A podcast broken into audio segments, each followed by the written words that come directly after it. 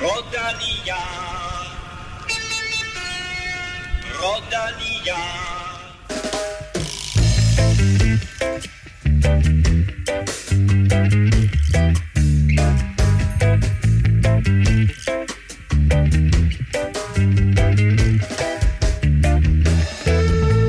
De første tre etaper i årets Tour de France er kørt, og sikke en start vi fik i Baskerlandet. To tvillinger første årsstregen, favoritter der udgik, en 15-års tørke der blev brudt, klassementskamp og flere danskere i fokus. Og dermed velkommen til mine to faste fokuspunkter, Kim Plesner og Stefan Djurhus. Tak for det. Kim, en, en endnu vildere start, end vi havde tur på. Jeg synes jo, at den der turstart, der var i Danmark sidste år, var ret vild, men øh, jeg vil da sige, op ad nogle af de stigninger nede i Baskerlandet, det så, det så endnu vildere ud, og så, så sportsligt øh, meget vildere end i Danmark, vil jeg sige. Og Stefan, vi må konstatere efter øh, to eller tre etaper her, at Pogacars håndled ser ikke ud til at have det sådan helt så dårligt, som vi måske havde håbet. Nej, det, det ser ud til at være, øh, være, være i fin stand, og det gør hans ben øh, også i øvrigt. Øh, han har jo så indrømmet, at han har, har lidt ondt, eller han er lidt øm i håndledet, men at øh, det nok bare bliver bedre dag for dag herfra, så jeg tror, at øh, det der håndled øh, behøver vi nok ikke at snakke så meget mere om øh, ja, herfra. Indtil han har ondt i det igen.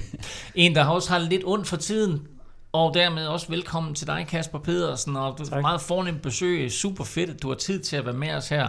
Øh, Og grunden til, at jeg siger, at du har lidt ondt, det er, fordi du sidder sådan med armen ind over bordet, og du har en slynge på, og så videre. Du sidder her, du skulle være med i turen måske. Du har brækket kravbenet. Hvordan går det? Jamen, jeg synes uh, trods alt går det meget godt. Um, ja, det, det gør altid ondt at brække kravbenet, så, uh, så Hør jeg holder erfaring. lige ud. Det gør altid ondt at brække Det er kravbenet. desværre allerede anden Ja. ja. gang, men uh, ej, jeg synes, det, det går bedre og bedre, og jeg slap, kan man sige, for at blive opereret, så jeg håber, at det så heler af sig selv rimelig godt. Um, og så, ja, så er der jo også tid til at være med her, så det er meget hyggeligt. Præcis. Æh, og det helt store spørgsmål er selvfølgelig, øh, nu, jeg, jeg, jeg skød lidt i blinde før, var du, var du på turholdet, altså de otte der, som øh, skulle være med, eller var det stadigvæk op at vende, da, da du styrtede i DM? Jeg vil sige, at faktisk da jeg kører DM, der er jeg rimelig afklaret med, at jeg ikke skal med. Øhm, Jeg er reserve, og så øh, for, for at vide, at jeg er første reserve, men det tror jeg, der mangler for at vide. Så, så, så jeg holdt mig klar og var fokuseret på, at jeg egentlig skulle afsted. Fordi at i tilfælde af, at man skal afsted, så skal man jo ikke have gået og, og været til DM-fest og så videre. Så, øh, så altså, mentalt var jeg stadig et sted, hvor jeg tænkte, at, at det kunne sagtens være, at jeg skulle afsted, men, men jeg havde egentlig fået at vide, at, at jeg ikke var på de første otte der. Så, øh, så jeg gik egentlig også efter og prøve at vinde DM, og så måske, hvis der var en anden, du ved, der havde min skæbne og styrtet, så kunne jeg lige så godt have været på et fly på vej til Bilbao, så, øh, så indtil jeg egentlig selv lå der med, med ondt i skulderen, så, så troede jeg en lille smule på det, men... men Og, og hvad ja. skete der helt præcist? Jamen, jeg, det var egentlig et ret stille og roligt moment i løbet. Udbruddet kørt, og, og vi, vi sidder egentlig organiseret holdene, og så punkterer jeg bare på en, en lille nedkørsel, eller i hvert fald hvor vejen hælder lidt nedad, og øh, punkterer med det samme på forhjulet. Kører på fælgen med det samme, og dem, der har prøvet at punktere på Hmm. og køre på fælgen, ved, at det er ret svært at holde den bane, man så er i igennem et sving, og får den egentlig reddet nogenlunde, men rører ned i marken og rører over styret og lander lige på skulderen, så, så det er egentlig trykket, der gør, at jeg brækker kravbenet i, i Mm. et ellers ret udramatisk styrt. Jeg slog mig ikke ellers, så det var bare meget, meget uheldigt. Så det er det eneste øh, ja. I godsøjne. Det eneste. Hvad, ja. hvad, hvad er tidshorisonten? Umiddelbart siger de tre uger til, at jeg ikke behøver at gå med slyngen, og jeg håber, at, jeg allerede kan træne sådan lidt fra, fra de her dage. Jeg skal til kontrolrøntgen på dag 9, og så hvis det sidder pænt, så kan jeg begynde at, at, at køre lidt Swift og så videre. Jeg vil alligevel have haft lidt pause nu her, så, så det er ikke jordens undergang, at jeg lige holder en, en uges tid øh, uden at træne. Så jeg håber, at jeg er klar igen om, om to uger fra nu af. Og, og hvad er så planen derfra? Hvad er dit store mål her i efteråret?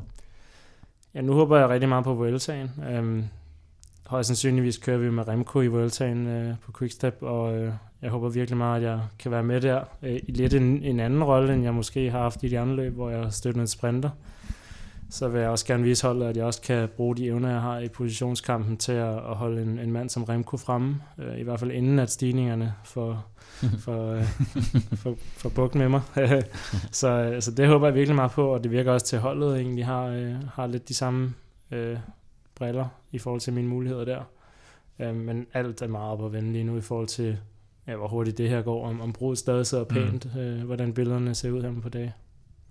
Og altså, du var jo ved at nærme dig noget, der minder om topform. Du mm. har haft en, en, en øh, fin første sæson for Quickstep, hvor det hele det kulminerer jo sådan set med, at du blev nummer tre ja. i Belgien rundt. Altså, ja. vi sad her og tænkte, hold kæft, et kanon resultat. Ja. Øh, altså, hvordan bar du dig med det? altså, jeg synes, det var, vi har haft en virkelig god holdtræningslejr, og vi alle sammen var i sindssygt god form, så, så det var egentlig en del af optakten til turen. Det var at køre først og fremmest nogle gode lead for Fabio, men også at teste benene af på den her etappen i Belgien, som altid er kendt for at være den klassemangs afgørende dag. Mm. Og jeg fik mulighed for at, at teste, teste mine ben af, og, og virkelig godt kørende, så, så det var sindssygt fedt at, at mærke, og egentlig også mærke, at jeg på stigningerne var, var en af de stærkeste i det felt.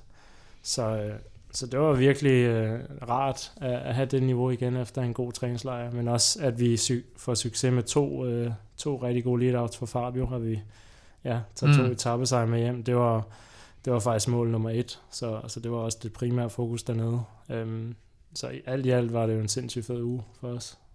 Hvordan, øh, hvordan er det, når man præsterer nede i Belgien, når du kører på et belgisk hold? Hvor meget respekt kommer der ligesom med at gøre det på, på belgisk grund? Jeg tænker, at du vandt et, et, et cykelløb nede i Portugal. Det er selvfølgelig også uh, stort, men måske mm. i, i, hos de belgiske fans, uh, eller fik der, kom der flere belgiske fans i, i fanklubben? Ja, jeg synes, jeg har fået lidt flere følgere på Instagram, men, uh, men altså sportsdirektøren laver også sådan lidt du ved, sjov, men, men de mener det også sådan med tillykke at tage podieplads i Belgien rundt, det er jo nærmest det største, man kan. så, så jo, helt klart, det er et vigtigt løb for holdet, fordi det er vores, vores hjemmebane, mm. og, og det er også der, vi har rigtig mange uh, supporter, og, og det er vigtigt for os at køre godt i Belgien rundt. Uh, bare det er en del af identiteten på holdet, så... Mm så, så det var sindssygt fedt at, at ligesom kunne bidrage til det. Også at du måske sådan træder lidt ud af den der måske hjælpe lead-out rolle, altså fordi at jeg tror også, jeg kan huske, vi snakkede med Mørkøv tidligere på året, hvor han også var sådan, vi snakkede lidt om dig som lead-out rytter, hvor han altså Kasper kan også meget mere, og det ved vi jo også godt, men det mere sådan på et, på et så stort hold som det der, at man også viser, at man kan selv altså lave et resultat. Jeg øh, synes du ikke også, det har en stor betydning, at, at faktisk levere noget i, i så stort et løb? Jo, helt klart. Og også netop det, som, som Michael har nævnt, at, at jeg har talent for lead-out-rollen, men at han også sagde, at, at jeg, kan så, jeg kan så meget mere end, end kun lead-out. Så han, han ville egentlig også gerne se, at jeg kunne præstere mm. i andre scenarier, og, og, og det gav også mig en tro på mig selv, fordi inderst inden tænker, ved jeg godt, at jeg godt kan mere end lead-out, men, men når man så også mærker det fra andre, der, der ved, hvad de snakker om, at de siger, at du kan mere end det, så du skal ikke bare læne dig tilbage lige snart ved at køre lidt out. Du skal også være klar de andre dage. Mm. Og det er også, tror jeg, det der har gjort, at jeg har haft en virkelig god forsæson. Øh, at jeg ligesom har fået selvtilliden af, at andre har sagt til mig, at de ved, at jeg kan gøre det. Og, mm. og det, det har, føler jeg har løftet mig rigtig meget i år som cykelrytter. At jeg har fået den opbakning fra holdet og fra mine holdkammerater. Øhm, at det ikke kun er lead jeg, jeg, jeg kan. Ja. Det er mega fedt, at øh, du er her. Vi glæder os til at høre dit take på øh, alle de her tre første etaper, og selvfølgelig også tale os igennem øh, spurten på, øh, på tredje etape. Øh, vi skal også tale et par, øh, om et par af de sådan lidt større historier fra weekenden, der kommer omkring øh, Vingegård slash Wout van Aert drama.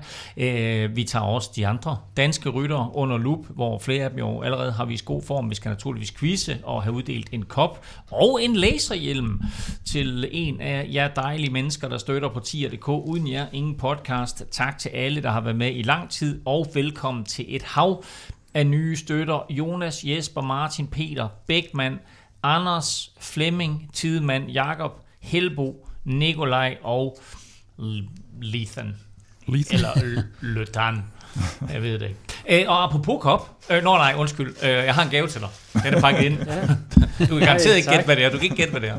Jamen, den er pakket pænt ind. Jeg kan blive indpakningen. ja, meget. Nej. Se der. Tusind tak. Øh, jeg vil sige, vi sendte en kop til Emma Norsgaard, ja. da hun var skadet. Du ved, så hun kunne sidde og hygge sig med en kop kaffe og komme, øh, komme tilbage på 100 procent. Ja. Og jeg håber, det bør egentlig ikke blive sådan en tradition. En skadekop? Det, det, Nej, det, det, det, det, det bør ikke blive en tradition, men nu får du en skadekop, og det gør det. Velropa-effekten plejer at være noget godt. Ja. Uh, nu, nu er vi ligesom ved at etablere det til folk, der brækker et, et eller andet. Ikke? Jeg håber ikke, for det er særlig mange kopper ud. Så. Det er altid noget, vi, det er altid noget, vi ikke, at vi ikke giver en kop inden, ja. og man så bliver skadet umiddelbart efter, vil jeg sige. Ja. Og husk så også, at øh, hvis du ikke ønsker at støtte på tier.dk, så kan du støtte på en anden måde, og det kan du ved at besøge vores shop, hvor vi jo egentlig introducerede månedens t-shirt som Puy de Dome, men øh, vi tager forskud på glæderne, vi ja. tager en lille chance, og så har vi simpelthen lavet en t-shirt, der hedder Puy de Jonas. Yes. Så øh, hvis man skal nå at have den her Puy de Jonas, så skal man simpelthen gå ind og bestille den her i dag, mandag eller tirsdag. Så kan man nå at have den, til de kører op af Puy de Dome på, øh, på søndag. Du sidder og ryster lidt på hovedet, Kim. Hvis vi satser på, hvis man er hurtig, så når man, så kan man sidde med sin Putte, Putte Jonas øh, t-shirt på, øh, på, på søndag. Mit navn er Claus Elming, og du lytter til Velropa Podcast, præsenteret i samarbejde med Continental Dæk. I år der kører hele syv World Tour hold på Continental Dæk her i blandt øh, UAE med Tadej Pogacar og Mikkel Bjerg. Continental er bannerfører på sikkerheden på landevejen, både med Share the Road-kampagnerne og Sikkerhed starter med dækket. Vi er også præsenteret i samarbejde med Odset fra Danske Spil. Velropa Podcast præsenteres i samarbejde med Odset fra Danske Licensspil. Husk, at du skal være minimum 18 år og spille med omtanke. Har du brug for hjælp til spilafhængighed, så kontakt Spillemyndighedens hjælpelinje Stop Spillet eller udluk dig via Rufus. Regler og vilkår gælder. Inden vi skal tale om øh, de tre etaper, der er kørt, så lad os lige tale om noget knap så behageligt, nemlig tegnestifter på vejen på anden etape. Ja, der var jo lige pludselig et par rytter, blandt andet øh, Carl Michan, som lagde billeder op af, han lagde op af, jeg tror det var fem tegnestifter i, i forhjulet øh, efter etappen og sagde, det, det må de da egentlig gerne lade være med tilskuerne, for man må formode, at når der er så mange, at så er det ikke bare fordi, der lige pludselig er en, der har, har tabt en, øh, en lille dåse med tegnstifter. Mm. Øh, og, øh, og det er jo, jeg synes, det er meget sjældent, man ser det faktisk i cykelløb, eller det kan du selvfølgelig øh, bekræfte eller afkræfte, Kasper. Ja. At øh, heldigvis, så er det jo ikke noget, man sådan ser, ser ofte. Og det, det seneste, jeg kan huske, det var den her Tour de France i 2012. Ja. Øh, 14. etape, hvor lige pludselig Cat Levin stopper op på, jeg tror det er på toppen af en stigning, og sådan noget, man tænker, hvad fanden sker der? Mm. Og så lige pludselig så bliver der bare meldinger om uh, punktering, punktering, punktering. Der er 30 rytter, der ja. punkterede på samme tid. Uh, og det er jo, jeg mener, det var lige før en nedkørsel, og det er jo det, der er sådan lidt, uh, lidt risky. Nu har du lige selv sagt, hvad der sker nogle gange, når man, uh, ja. når man punkterer på forhjulet på en nedkørsel. Så, uh, så lad os ikke håbe, at øh, der, der har jo ikke været nogen melding om, om det har været et eller andet protest mod noget, så det er måske bare en eller anden idiot, der har synes, ja. at han gad ikke, han kunne ikke komme, han kunne ikke komme ud af bilen, bilen ud af indkørslen ja, måske. Fordi, ja. øh, jeg har prøvet det i Danmark også faktisk, hvor vi var sådan okay. sådan børneløb, vi kørte i, eller tog det himmelfart, og der var der nogen, der havde kastet ud. Sådan. Ja. Det er nogen, som synes, at det er irriterende, at vejen er ja, lukket, der, eller sådan ja. et eller andet, du ved. Nogle af dem, der bor der, som synes, det er pisse irriterende, de er ikke cykelfans. Og så er der nogen, der går ud og laver lidt, øh, lidt space der, og det ja. er jo super nederen. Men altså, jeg tænker, det, det sker jo faktisk ikke så tit, og det er jo meget fedt. Altså, men, men en gang imellem, så sker der et eller andet uh, latterligt, ikke? Og det går nogle gange ud over enkelte personer, som er ja. måske det, der er lidt, uh, lidt kedeligt faktisk. Og der er ikke snak om, at det er ETA for eksempel, eller et eller andet baskisk separatistbevægelse der, der har været... der har ikke været noget, nej. Ja. Jamen, øh, efter denne lille intermezzo, så skal vi... Quizze! Og øh, det er jo med stillingen 16 til Stefan, 5 til, 15 til Kim, der også har serveretten, eller det vil sige, jeg tror faktisk, vi overdrager den serveret til, til Kasper i dag. Mm. Øh, og så Kasper på 0. Ja. Øhm, men du kan tjene 17 point i dag. Yes, ja. så kan jeg nå det. Yes, øhm, og spørgsmålet er lidt sjovt faktisk, fordi øh, Adam Yates er i gult. Og øh, det vil sige, at det er en UAE-rytter, som er i gult foran Tadej Pogacar. Det er faktisk kun den anden holdkammerat i Tadej Pogacars karriere, der har ligget foran ham i klassementet. Hvem er mm. den eneste anden UAE-rytter, der nogensinde har ligget foran Tadej Pogacar i klassementet? Mm-hmm. Bum, bum. Okay. Hold da op. Og jeg kan sige, at han er med i årets Tour de France. Mm-hmm. er spørgsmålet forstået? Ja. ja. Så har jeg kun én ting til jer tre, og dig, der lytter med. Lad nu være med at google.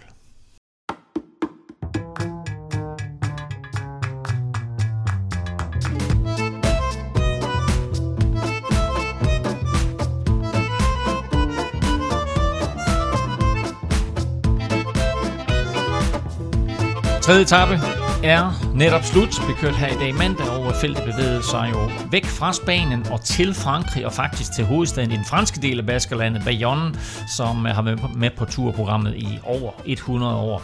Der var lagt op til en spurt i Skænkebyen, og det blev en spurt, og Jasper Philipsen viste sig som den hurtigste. Og til at analysere det her helt til bunds, der har vi en af verdens bedste. Kas- Kasper Pedersen. Ja, jo tak. Altså, Nå, jamen, Ja, altså, jeg, jeg går i gang. du går bare i gang med at analysere. Okay.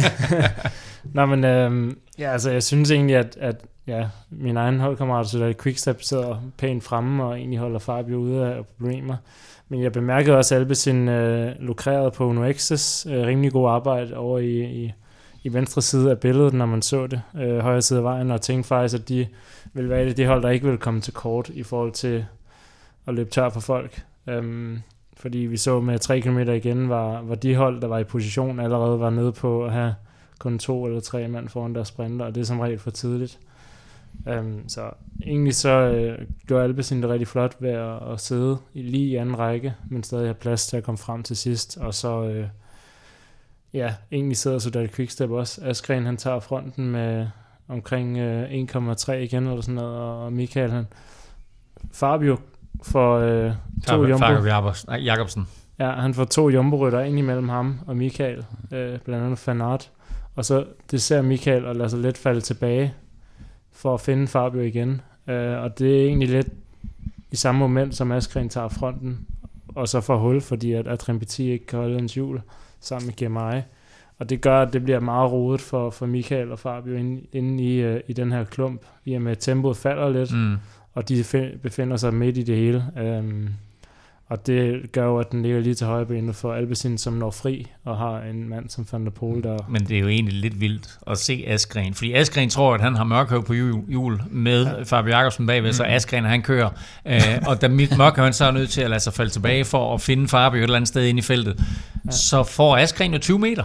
Øh, og jeg, sidder, jeg, jeg er jo naiv nok til at tro, at han kan køre fra alle, så jeg sidder og råber lidt på ham. Men, øh, men Nej, han, jeg vil også sige, hvis ikke, hvis ikke Alpecin havde haft så, så stærkt et tog op, øh, op foran, så havde han nok kunne, kunne holde den til. Det var blevet lidt mere spændende i hvert fald, men man kunne godt se, at de kom bare masende der med deres, og, og på forhånd også det, vi, vi havde øh, tænkt nok var det, var det bedste tog, og, og for den bedste sprinter, der har vundet, øh, der har vundet tre streg nu. Han har vundet tre streger. Han vandt de to øh, sidste spurter mm. I sidste års Tour de France i Carcassonne og på Champs-Élysées. Mm. Øh, og så vinder han igen øh, i dag, Jesper Philipsen. Mm. Phil Bauhaus bliver måske i nogens øjne, ikke i andres, Stefan, øh, en overraskende toer øh, fra Bahrain Victorious. Caleb Ewan bliver måske i nogens øjne, ikke i andres. Stefan. Stefan. en øh, overraskende træer, øh, som mere rocket in pocket i dag. Ja, det må. Øh, og øh, så bliver Wout van, eller Fabio Jacobsen bliver fire, din holdkammerat Kasper, og så bliver Wout van Aert femmer. Og det er lidt interessant det der, fordi Wout van Aert spurgte om det, havde egentlig sagt, at han ikke spurgte om det, han spurgte om det, og bliver så lukket inde ved banden. Og nu optager vi her umiddelbart efter, at øh, tredje etape er kørt. Ved vi noget omkring... Den er om, lige blevet øh, godkendt af fransk tv, havde han altså lige sagt. Han er ikke at, øh, deklasseret. Han er Ja. ikke deklasseret. Altså, øh, Jasper Philipsen. Ja. Fordi, tag os lige igennem det der, Kasper. I går, der ser vi, øh, der ser vi Skjelmose, det kan jeg ikke vil komme tilbage til senere. Øhm, men den her, hvor Jasper Philipsen helt klart skærer Wout van Aert af. Ja. på indersiden, er den ikke til en deklassering? Jo, altså jeg vil mene, hvis man skulle gå helt efter bogen, så, øh, så, så, så skærer han faktisk Van Aert af, og hvis ikke Van Aert han ville have stoppet, så ville han også have blevet skubbet i barrieren. Men den er også svær, fordi vejen ligesom drejer, og de har lavet mm. opløbet på en vej, og så ligner det også, at de selv ligesom har asfalteret lidt videre for at kunne have mål der.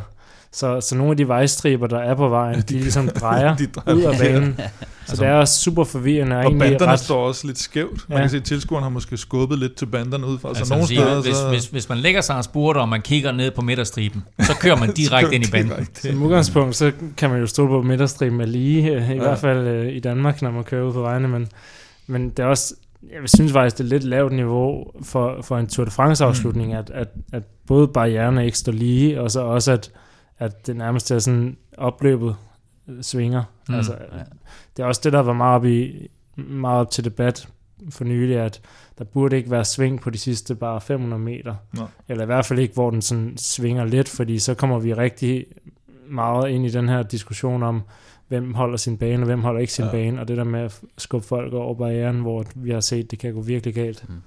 Og øh, etappen her, det glemte vi faktisk at nævne, vi, vi nævnte det i vores øh, forrige udsendelse, etappen her var jo gjort 6 km længere, fordi man netop havde taget nogle farlige sektioner væk med nogle rundkørsler, og så lå rytterne køre øh, de sidste 15 km ind på mål, hvor man faktisk kørte på en eller anden form for hovedvej, kommer så ind til målstregen, og der er der først, hvad bliver det, først et venstre sving, og så et højre sving, ikke? Ja. Øh, og der er det, at, at Wout van Aert, han bliver trykket lidt op ad banden, men altså ingen deklassering til Jasper Philipsen, der får lov til at stå som den første vinder af en øh, massespurt i, i årets Tour de France. Alle får jo chancen igen øh, i morgen, når fjerde etape skal Og Mads P. nummer 9 Mads P. kommer aldrig bliver, rigtig sådan. Nej, øh, man, man ser ham nærmest ikke. Nej, men også fordi, at, øh, hvad skal man sige, Little Trick har jo, øh, det lyder stadigvæk mærkeligt at sige, Little, little, little, little, little, little, little Trick. Little trick.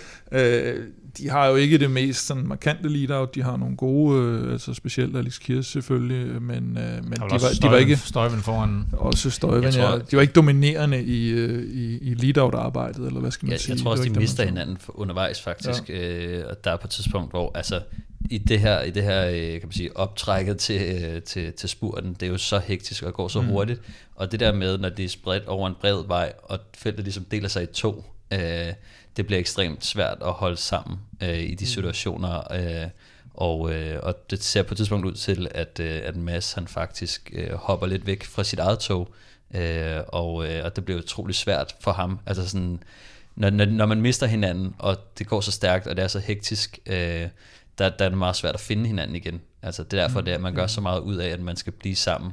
Øh, men når folk de springer frem og tilbage fra den ene side mm. af vejen, øh, så nogle gange så bliver man tvunget til at være sådan, man skal både holde sig lidt fri og holde sig til den gode side, kan man sige, så det er bare, det er bare utrolig svært i, ja, der kan man se, der gjorde det det meget simpelt på, øh, på Jumbo. Der kørte de øh, Laporte, Van Aert og Jonas ind til 3 mm. km.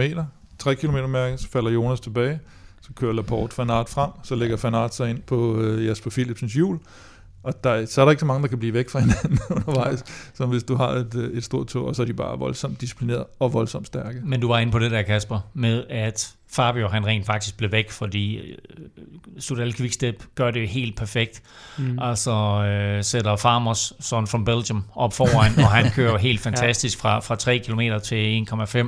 Så Kasper Askren og der er det, det går galt, fordi der skal Fabio ligge, eller Mørkø bag Askren, og så skal Fabio ligge der, og der forsvinder han, og som vi jo lidt inde på, så er Mørkø nødt til at køre ned og, og, og prøve at finde Fabio, og han ender med at blive fire Fabio Jacobsen, så det er egentlig ganske flot, at han når derop alligevel, mm. men det er bare ikke optimalt, og vi havde et interview med, med Mørkø for en måneds tid siden cirka, hvor han sagde, altså han, han prøvede stadigvæk på at finde det her samarbejde med Fabio Jacobsen. Og så kommer Belgien rundt, som vi var lidt inde på, hvor du klarede det rigtig godt, og hvor I også vinder to etappesejre med Fabio Jacobsen.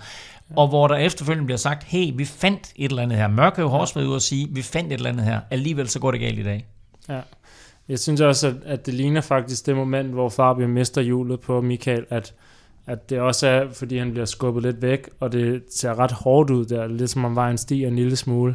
Og alle ved jo, der kender til Fabio, han er måske en af de sprinter, der mindst kan lide, når, når, det, når det stiger. Så det kan også godt have været et element af, at han måske faktisk ikke lige har haft benene til at holde hjulet der. Um, så det ville være, det ville være den, den gode forklaring, forhåbentlig, for samarbejdet. men, men, men hvad Michael, mærker du for eksempel i Belgien sådan, øh, omkring samarbejdet? Nå, men øhm, Michael, han har jo, har jo en vanvittig evne til at time øh, spurten og gøre det simpelt for sprinteren. Og, og når Michael han har sprinteren på hjulet, så ved han også, hvornår han skal komme fri, og han er god til at kæmpe sig fri, samtidig med at han gør plads til sprinteren. Men hvis han ikke har sprinteren på hjulet, så, så er han basically ligegyldig, fordi at, så kan han jo ikke arbejde med, mm. med sin lead-out-rolle. Så det er også derfor, han med det samme lægger mærke til det, at Fabio ikke er på hjulet, og så lader sig falde tilbage. Men det skaber også en slags trafik. Så, så, så det, det sekund, at Fabio ikke er på hjul og Michael, så bliver det en sindssygt svær situation. Øh, både for Michael og Fabio. Øh, men de, de lykkes med at finde hinanden, men i samme moment kommer der folk og hold bagfra, og ligesom den klumper op, fordi tempoet går ud af gruppen i det her, den her, det her moment, hvor Askren får et lille hul, og Petit har fronten, som ikke har benene mere. Og, og når du så når til den situation, frem for at have siddet på lige linje med holdet, og måske bare kunne holde den side, så når du så når til den situation, hvor du befinder dig midt i klumpen, tempo går ud af gruppen, folk kommer bagfra på begge sider, så er det næsten øh, lotteri, om du kommer ud eller ej. Mm. Hvorfor er det så svært for de to at finde hinanden? Fordi jeg ser det lidt som om Michael er rigtig god i positionskampen.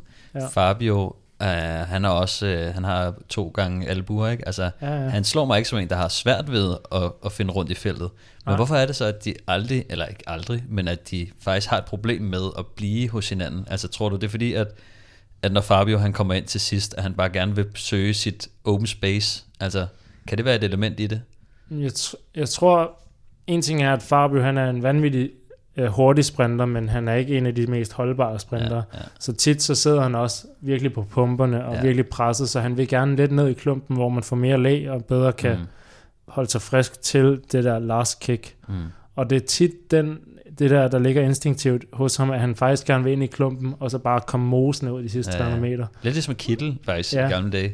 Hvor Michael, han ved jo, at, at det er jo også gamble. Altså sådan, mm. Hvis vi skal gøre det på den måde, hvor vi kan være sikre på, at vi har muligheden for at vinde, så nytter det ikke noget lade sig falde ind i klumpen. Det er derfor, han har et hold og et lead-out. Mm. Så, så det er også den der, der ligger lidt hos Fabio, at han har så mange gange haft succes med at bare komme ind fra klumpen og så vinde med fire cykellængder. Ja, ja. Men Så det er måske en rutine, risky. der ligger dybt i ham eller hvad? Ja, og så er det også bare, når det går ondt i benene, så er det tit de der instinkter, der sådan tager over. Ja, Og hvis de ligger så dybt inkarneret i ham, og han, og han har det hårdt, og han er bange for at eksplodere i hjulet af, Michael, Mm. og virkelig se tåbelig ud, for det er jo også tit den der Ja. stolthed, der er hos en sprinter, at man vil ikke sidde perfekt, og så ikke kunne spurte. Ja, det, er sådan, det, er det, der, det er det, der gør allermest ondt. Det er meget federe, og så godt kunne spurte, men så blive blokeret, end at have siddet, og så være helt brændt ud, og så er der tre andre sprinter, der overhælder en, Ja, og så ja. ens ego, det bliver bare hakket ned, ikke? Det er rigtigt. Der var øh, tre andre sprinter, der overhalede Fabio Jacobsen i dag. Han blev altså øh, kun fire, og øh, den første spurt her, altså vundet af Jasper Philipsen foran Phil Bauhaus og øh, Caleb Ewan. Den samlede stilling i Tour de France, den får du lidt senere. What a day for the Yates twins. Adam Yates goes to the front. Simon Yates in the wheel. Yellow jersey, Adam Yates. What an incredible Den 110. udgave af Tour de France begyndte i spanske Bilbao lørdag, og det blev en vild affære, som man kunne give overskrifterne Yates, We Can eller No Mas. Øh, vinder blev Adam Yates foran tvillingebror Simon, øh, mens to klassementsfavoritter i Enrik Mas fra Movistar og Richard Carapaz øh, fra EF styrtede, og begge udgik efterfølgende. Men sikke et nummer Yates-brødrene, måske især UAE lavede. Det må man sige. Altså, det var jo et, en opsætning egentlig til, at Pogacar skulle angribe, som, øh, som jo mange havde snakket om, kan man sige, op til, til etappen. Øhm, og det endte jo egentlig også med at blive, med at blive kørt sådan op, men øh, da der så gik taktik i den øh, på vej nedad, så øh, synes jeg, det var ret interessant, at, øh, at, at Adam Yates, da han kommer op igen, at han så øh, bare vælger at køre direkte forbi, fordi på det tidspunkt, så er det to muligheder. Enten så kan Yates jo gå op og bare føre, for at Pogacar kan vinde etappen og tage tid på Jonas, men i og med, at de også har kaldt ham ko-kaptajn, så er det jo nok også meget smart, så det er jo mere sådan, hvor får de mest ud af det? At lade ko-kaptajnen øh, hente noget tid, eller lade deres øh, primære kaptajn øh, måske vinde nogle bonussekunder på, på Jonas. Og hvis vi sådan bare lige kigger et år tilbage, og vi ser på den der co-kaptajn-rolle, som Roglic havde, mm.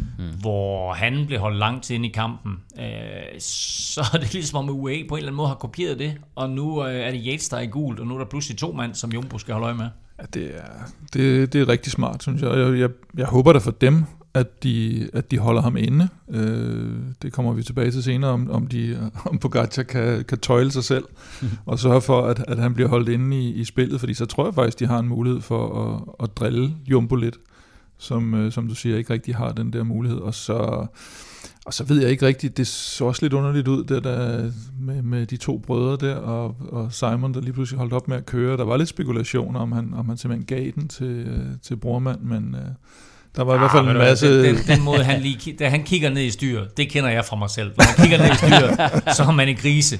Så da han kigger ned i styret, der er jeg klar over, at han er færdig. Du mener, han råbte til ham, han lige skulle give tegn, når de kørte over et bump? hvis, hvis, det, hvis det er et tegn, de har aftalt, okay Adam, når jeg kigger ned i styret, så er du bare kører.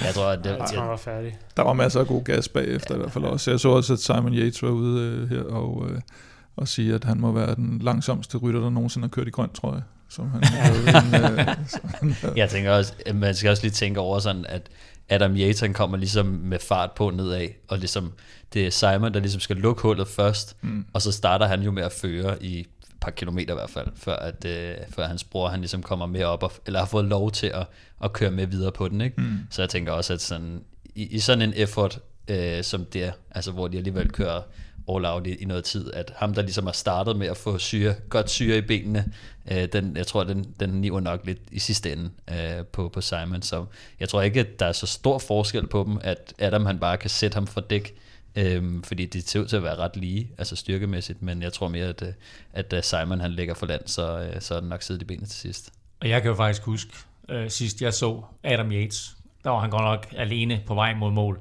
Men der, det har været 2014, tror jeg, eller måske 2013 der kommer han ned, og så vælter kilometerporten. Luften Nå, går ud ja, af det er kilometerporten, og han kører ind i kilometerporten. Ja. Så jeg tænkte bare, han skal bare igennem Flamrouge. Ja. Ikke? Så er der en vis sandsynlighed for, Ja, de har lavet den lidt anderledes nu, At han øh, vinder, ja, præcis. efter, det stunt der. Det Men var, øh, altså Kasper, to brødre her, altså man har nærmest aldrig nogensinde set noget lignende. Har du kørt mod dem begge to? Ja, det tror jeg, jeg har. Altså, jeg har ikke så tit konkurreret direkte mod dem, men, øh, men jeg, jeg tror, jeg har stødt på dem i et felt. Øh. Har du indtryk af, at hvem der er stærkest, eller om de er nogenlunde på niveau? Jeg tror, at Adam er lidt stærkere, men, men det virker som om, de er ret meget på niveau. Øhm, og også her på første etap, tror jeg faktisk, Simon fik noget krampe. Det udtalte han også bagefter. Mm. Han kørte lige på tærsken til at få krampe. Og det er også sådan typisk, hvis man har været på tr- højdetræningslejr, og man så kommer direkte ind i, i racing, at den der intensitet og de der accelerationer, der hele tiden er, ligesom kan trigge ens muskler til at få øh, sådan en chok.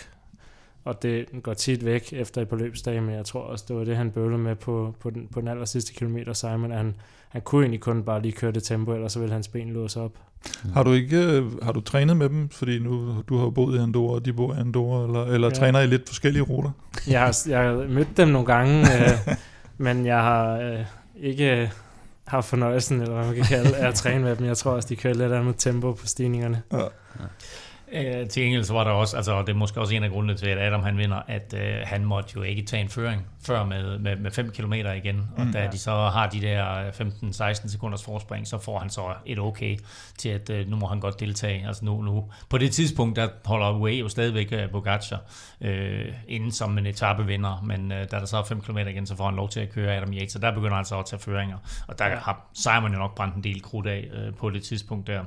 Øh, og det betød altså, at, at Adam Yates kom i, øh, kom i gul, og det var selvfølgelig den helt store historie, men den anden store historie er selvfølgelig, at både Henrik Mars og Richard Carapaz styrter. Vi får ikke rigtig billeder af, hvad der er sket. Øh, vi får kun nogle billeder af, da vi kommer rundt og ser, at de ligger ned. Men efterfølgende, Henrik Mars udgår med det samme. Richard Carapaz øh, må trække sig efter etappen. Altså, det er et kæmpe øh, tab for, for Tour de France. Det må man sige. Man, man, jeg, jeg tror faktisk, hvis man, øh, når, hvis man har kigget den efter et par gange, så kan man se, at, øh, at de kommer rundt i et sving, hvor at man ser i hvert fald, at Ja, Enrik de kommer bare for kører langt lige ud i, Altså, øh, ja, ja, altså de, på, på en eller anden måde, så tror jeg, at de øh, på grund af noget positionskamp eller øh, en lille skulder, at øh, de mister kontrollen og kører bare lige ud i den der, øh, kan man sige, øh, ud, i, ud i rabatten. Og, øh, og Enrik Mars kører så direkte ind i den der bakke der, der, der ligesom bremser mm. ham, og øh, jeg tror, det er noget med, med kravbenet, han, øh, han får. Ja, ikke? skulder, skulder, skulderbladet. ja. Og, øh, og Carapaz, sådan, øh, altså når der er en, der styrter eller laver et eller andet som det, så, øh, så har det jo ofte med at skabe en, en reaktion, og der er nogle andre, der skal... Typisk er det jo sådan, at så er der nogle andre, der skal bremse, fordi at øh, der er en, der lige pludselig kører på tværs, eller gør et eller andet, mm. og så, øh, så kommer der nogle gange de der harmonika øh, sammenstød der, øh, øh, og, og Henrik Mars han ender også med at få en øh, fraktur på sin øh, venstre knæskal, så lidt, lidt sindssygt, at de alligevel sætter ham op på cyklen, når han gennemfører etappen, Ja. synes jeg. Øh, men, øh, men desværre, så, så mister vi også ham, og, øh, og ja, også Uran, øh, som jo på en eller anden måde er også et stort tab, synes jeg, men var jo ikke deres, kan man sige, nu er det både, øh, hvad hedder han, øh, Uran og, øh, og Carapaz der er ude, så hele EF-holdet er jo bare blevet låst op øh, med det samme, ikke? Oh, oh, back the Columbia truck op her. Øh, Ja, nej, øh, ikke, ikke ud af cykelløbet, men Nå, ud okay. af, af, han har tabt noget tid i, i klassementet, ikke? altså en af, en, af de, en af de store tabere på, på første etape. Der Ja. var flere, der tabte tid på første etape. Jo, og så, altså det dumme ved, at han tabte den tid, fordi han har nok ikke kørt efter det på den etape, netop fordi Carapaz er kaptajn. Alt andet lige burde han måske godt have kunne sidde, ja, i hvert fald bedre med end at tabe over 5 minutter på, Mm. mm. på, på den første etape, men, men han øh, sidder jo selvfølgelig ikke og kalkulerer med, at, øh, at Carapaz øh, kører i grøften, men på den måde, så er det lige pludselig deres to potentielle kaptajner, altså eller klassementskaptajn er, er ligesom væk. Vi kan lige vende tilbage til det lidt senere også, hvad øh, det får af betydning for, for Magnus Kort. Vi vender alle danskerne øh, samlet lidt senere, øh, og det kan jo godt få betydning for Magnus Kort, at de her to store kanoner, de, øh, de den ene mister tid, og den anden er så er udgået. Øh, I øvrigt, øh, Uno X's Torsten Tren øh, var også nede øh, i et solostyrt, mm. og fik en fraktur i albuen, men altså indtil videre, der, der fortsætter han. Ja. Øhm, og det var selvfølgelig en, en fyr, de havde håbet på at holde lidt ind i, uh, i klassementet. En af de store favoritter til første etape, og for den sags skyld anden etape, var Mathieu van der Poel. Og øh, jeg havde også været så lidt at tage Julian Alaphilippe med på øh, mit managerhold. og Van der Poel. Ja, ham her, okay, som, ham her som kaptajn, efter ja. at uh, der var to eksperter i noget, der hed Europa Podcast, ja. der havde sagt enstemmigt, at han ville vinde første etape. Ja. Selvom jeg jo havde sagt, at nej, nej, den sidste stigning blev for hård for ham. Men uh, der blev jeg jo stemt ned. Uh, men ganske rigtigt, altså han havde problemer, Julian Philippe havde problemer, og der var mange, som havde problemer. Vi fik en voldsom udskilning mm. op af den sidste Muro de Pike. Jo, men altså, der, der blev selvfølgelig en udskilning, men det, man kan sige, det er også, at Van der Poel, øh, både på første og anden etape for den sags skyld, han falder jo fra før mange andre de øh, sammenlignelige rytter, han skal sidde sammen med, på, selvom, selvom de kører hårdt. Ja. Og jeg synes faktisk, man kunne se det allerede i starten, så når han sad sådan og hang lidt nede bagved, og, og lignede sådan en af de der, nu kan jeg huske, hvem det var også i foråret, hvor man siger, sidder han ikke og sveder lidt meget, og sådan noget, du ved, altså, ja. han, så, han så ud, som om han ikke havde det godt. Mm. Og, øh, og, og man tænkte jo, nu skulle han jo tilbage efter den der redselsfulde tur, han havde sidste år, hvor han også måtte udgå.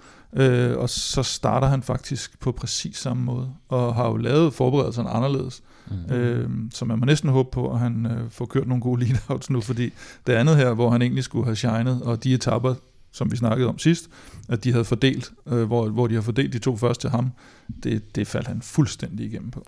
Der, er også, der bliver kørt virkelig, virkelig stærkt på den første etape, ja. kan man se. Ikke? Og de der stigninger, synes jeg ikke, altså sådan, der er, de, jo, de er slemme, øh, men de er også kun slemme, hvis, altså, hvis der bliver kørt rigtig, rigtig stærkt, og man bliver ved med at holde presset, fordi at vi har set Van der Poel vinde øh, altså den etape på øh, Mørte Bretagne, øh, hvor han også tager den gule trøje. Altså, og Mørte Bretagne er også altså, hård ligesom de her stigninger er hårde, ikke? Mm. Øh, og der var han ligesom oven på pedalerne, og, øh, og kan man sige, laver en eller anden form for magtdemonstration, ikke? Øhm, så egentlig så burde han være der, men jeg tror altså nogle gange så er det lidt forskelligt, hvordan man kommer ind i turen, øh, som Kasper også lidt er inde på, øh, noget med højdetræningslejre, hvordan ens krop egentlig reagerer. Øh, som det der med at være klar for start, øh, det betyder rigtig meget, når man kører i det område der. Altså, jeg ved ikke om han... Ja. Altså ja, det kan være, du kan sætte på, på det. Jamen altså, han kørte jo faktisk også Belgien rundt, hvor han mm. øh, egentlig øh, Var flyvende. satte os alle sammen til tørre. mm. og, og det er jo også derfor, der er god grund til, at folk har haft høje forventninger til ham øh, her i, i turstarten.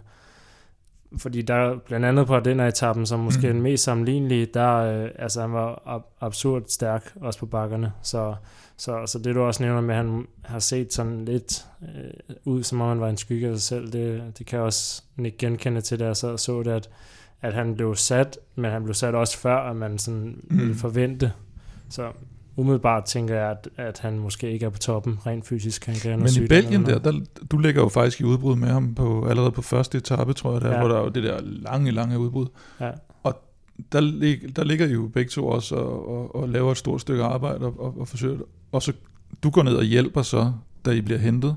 Hjælper du lidt i fronten af feltet. Mm. Men Van der Poel, han kører så lige en lead-out ja. for, øh, for Jesper Philipsen og køre den sådan helt, som om han nærmest selv kunne have vundet os. Ja. Så han, værsgo, så tager du den lige, ikke? Jamen, han var sindssygt stærk ja. kørende. Han var ligesom, man har set ham mange gange. Ja. Altså, hvor han virker som om han, altså når vi andre er sådan semipresset, så sidder han og hygger sig. Så, hvordan, kan det, hvordan kan sådan en form forsvinde på så få dage? Det er også derfor, jeg også mistænker, at måske han er lidt halvsyg eller et eller andet, fordi mm. at, at den form, han havde i Belgien, den forsvinder ikke på en halvanden uge. Mm.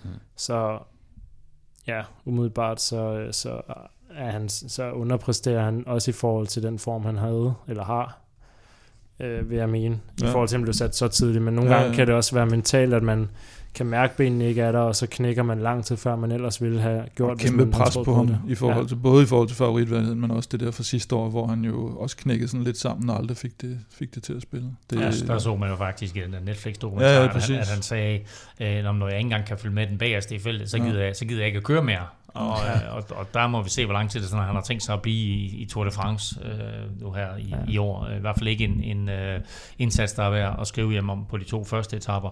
Til gengæld, så øh, var der en enkelt dansker, som øh, tænkte, sidste år i Danmark, der rakte Magnus Kort ud efter prikkerne hmm. og øh, blev tiljublet af hele folket. Nu gør jeg det samme i Baskerlandet. Jamen, øh, ja, Jonas Gregor, og han havde jo sagt til os også i, i podcasten, at øh, hvis han skulle gå efter det, så skulle det være på, på de første etapper, fordi senere hen, der, altså de rammer pioneren nærmest lige om lidt, så det skulle være der, og han ryger med i, i det første udbrud. Han vinder den første bjergspurt, og, øh, og det krævede lidt en effort. Øh, han, han startede, eller jeg tror, jeg skrev på Twitter eller sådan noget, at han startede 750 meter ude, og det så ud som om, det var hårdt. Så går han ind og kommenterer på det selv og sagde, det var vist 775, og den trak med mig tænder ud. Og, og, og, det kunne man også se, altså det var, øh, det var helt vanvittigt. Var det ikke 775 watt, han skrev? det kan godt være, det har været begge dele. Jeg tror, han har kørt over 775 watt nærmest på, på, på noget af det. Så, øh, så øh, hvad hedder det det, det, den uh, trak så meget tænder ud, at han jo taber den næste øh, bjergspurt til, til Pascal Inghorn, og han, han bliver ikke engang toer, og så til sidst så kommer ham her, Nelson Paulus, jo og snyder dem alle sammen uh, ja. på, på den sidste stigning, fordi de er blevet hentet. Ja. Og vinder den i øvrigt foran ham her, Geo Sindermann, som vi også nævnte i, i vores optag, mm. der kunne være en af de få uh, uh, intermarché-rytter, som, som måske kunne gøre noget godt. Og, uh, og han er også forbandet, fordi der ligger man med de her baskiske til, han kan næsten ikke ja. komme forbi, og han ja. får, får startet for sent, og man kan se, at han har den jo hvis, hvis bare han starter lidt, øh, lidt, lidt tidligere, Zimmermann. Jeg tror også, altså jeg var faktisk lidt imponeret over Jonas, at han, fordi at nogle af de rytter, der var med i udbruddet ja. også, altså Jonas Gregor, han er jo, selvom han ikke har lyst til at være bjergrytter, så er han nok mere en, en dieselhakker, end, øh, end han er ikke så hurtig på stregen, måske, øh, som, øh, som nogle af de andre. Øh, så jeg tror, at hans vej til prikkerne er netop at gøre det hårdere, som han gjorde der, angribe udefra, ja. øh, komme et overraskelsesangreb, og så bare køre pisse hurtigt, øh, og det var også sådan, han, han starter med at vinde. Der er bare så få point på de der ja. stigninger i starten, at, og det er ja. ærgerligt, at de ikke får mere snor, øh, fordi feltet kører så hurtigt, øh, at øh, de bliver hentet, da den største stigning faktisk kommer, ja. øh, og derfor så, øh, så mister de jo også, kan man sige, eller Jonas mister jo faktisk hele kan man sige, hele chancen der, ikke? fordi mm. han ender jo kun med at, at blive nummer et oh, på, den, på den første den, stigning. Det er en stor effort for to point i ja, øh, Det er i det, og jeg tror, at hans vej til prikkerne er nok også at blive ved med at, at ja. prøve, ikke? og at være, være meget, meget, meget ihærdig øh, på, på det. I stedet for så er det altså Nelson Paulus, der her efter øh, tre etaper stadigvæk er i prikker, fuldstændig som øh, vi så det fra, øh, fra Magnus Kort sidste år i Danmark. Øh, første etape, lad os lige rundt hurtigt af, det blev altså tvillinge sejr. Adam Yates foran Simon Yates, og så blev Pogacar faktisk tre og vinder altså den der meget, det der meget decimerede øh, favoritgruppe, der kommer ind, vinder altså deres spurt, og dermed så nappede han de første fire bonussekunder på Jonas Vingegaard. Allez, Victor l'a fait toujours en tête, moins de 200 mètres. Victor l'a fait. Après sa victoire d'étape sur le Tour d'Italie, est-ce qu'il va reprendre Victor l'a fait. Victor l'a fait qui s'impose. Victoire française à Saint-Sébastien. Incroyable. Quelle finale. Wow. Søndag var der igen dømt klassementskamp, da feltet skulle tilbagelægge hele 209 km faktisk årets længste etape, der sluttede med et par stigninger, blandt andet den kendte Jais Kibel, men alle de store kanoner blev snydt af Victor Lafay, der sikrede Kofidis holdets første etappesejr i 15 år. ja, det var, øh, det var lidt for sindssygt. Altså, Stefan havde jo faktisk været inde på, at uh, både Lefay og ham der... Axel Single. Axel Single eller Sangle, eller hvad han hedder. Alt efter, når man udtaler det, at de, de kunne faktisk godt gøre noget, øh, noget godt for Kofidis, og måske endda sikre dem en etappesejr, og måske endda allerede i, i starten. Så det var da det var da meget godt ramt. Åh uh, oh, ja, uh, en lille smule. Hvor var stalletippet? ja, ja, men det var et helt andet sted. Men, uh... jeg, jeg valgte at, at overhøre det også, og lade være med at sætte ham på mit managerhold, så det var, det var super. Men han, uh, han kører jo helt udmodståeligt. Der har været nogle, uh, nogle angreb fra, først er det Pello Bilbao, så er det Tom Pitcock, så er det Skelmose, og så laver han det her hug med, med en kilometer igen, og Vilko Keltermann sidder forrest øh, hos Jumbo. Og øh, Kasper, jeg ved, ham har du vel også øh, kørt lidt mod. Er det ikke næsten den mest optimale rytter, der skal sidde forrest, hvis man laver et eksplosivt angreb? Jo, jeg er holdkammerater, holdkammerater med Vilko på Sunweb, så jeg ved også ja. godt, at han er rigtig meget bjergrytter og rigtig lidt øh, tempo på fladbanen. Men også momentet, at Lafay han kører på, mm. er jo faktisk genialt, fordi der er en kilometer til mål. og alle sidder og tænker spurt. Mm. Og så hvis du går efter der, så ved du, at du mister din spurt. Så det er sådan moment, hvor at alle vil, vil bare stole på, at Jumbo tager den, og Jumbo har kun Vilko forrest. Ja. Så, så alle de angreb, der var før, var gode, og Skelmoses angreb var også virkelig godt moment faktisk, men bare uheldigt, at, at Fanart han, han går efter, netop fordi der er et godt stykke til spurten endnu. Um, så, så det var et helt genialt moment. Det bliver også bare bedre og bedre, ikke? Altså, altså kan man sige, Jumbo er jo sindssygt presset og vil gerne køre den hjem til den der spurt der. Og øh, altså, det er nogle toprytter, der angriber, altså Pedro Bilbao og bruger nedkørselen også, mm. hvor han kører sindssygt stærkt. Han skal lige hentes først. Så er der Pitcock, der også lægger et øh, gevaldigt angreb ind, og så Skelmose, og man kan bare se, at kan sige, Wout, han blev selv nødt til at trække i, i arbejdstøjet på mange af dem. Så får han en hjælper op, som ligesom skal, skal tage det sidste. Og så, øh, og så når farten ligesom går lidt ud af, af, af tempoet, ja. og Vilko han sådan, jeg tror han nok har været lidt træt på det tidspunkt også, øh, men, øh, men der skal man ned med med være, være, altså det, tempoet skal bare blive ved med at være højt, fordi så snart ja. tempoet bare falder en lille smule, så er der folk, der bare er klar til at, at komme flyvende i nakken på en, ikke? og desværre så... Øh, så jo, det, undrer, det undrer mig også lidt, at han, når man ser billederne bagefter, at, at uh, Kelterman ser ham jo tydeligvis, mm. men han rører sig overhovedet ikke, Kelterman. Uh, og, og det er jo ikke, fordi der er nogen, der har nogen uh, forventninger om, at han skal kunne køre med ham eller hente ham på den kilometer, fordi han, han har jo siddet og sparet kræfter og, og er flyvende. Mm han kunne godt lige, måske, tænker jeg, have, have trådt lidt i pedalerne i hvert fald. Han lige. har et tempo opad, og han har et tempo henad. Ja, det, det, han, han kunne ikke altså, røre sig. Når han har nok ikke rigtig kunne magt opgaven på det tidspunkt. altså han er nok kommet op til gruppen, eller op til fronten igen, ja. og bare været sådan, så, fuck, jeg kan kun køre det her tempo, ja. og det er ikke... Og det se på den positive side for Vilko Kelderman, der er det trods alt lidt en succes. Han har gennemført to etapper, eller tre etapper ja, det faktisk nu. Ikke? Det er han, plejer, han plejer at styre det ja. ofte. Ja. Æ, til gengæld, altså uimodståeligt kørt af, af Victor Lafayette, og holder den der, man kan godt se, at han er ved at gå kold med, med 300-400 meter igen, men han træder alt, hvad han overhovedet kan øh, i pedalerne, og selvom der kommer øh, 10-12 mand bullerne bagfra, mm. så holder han den.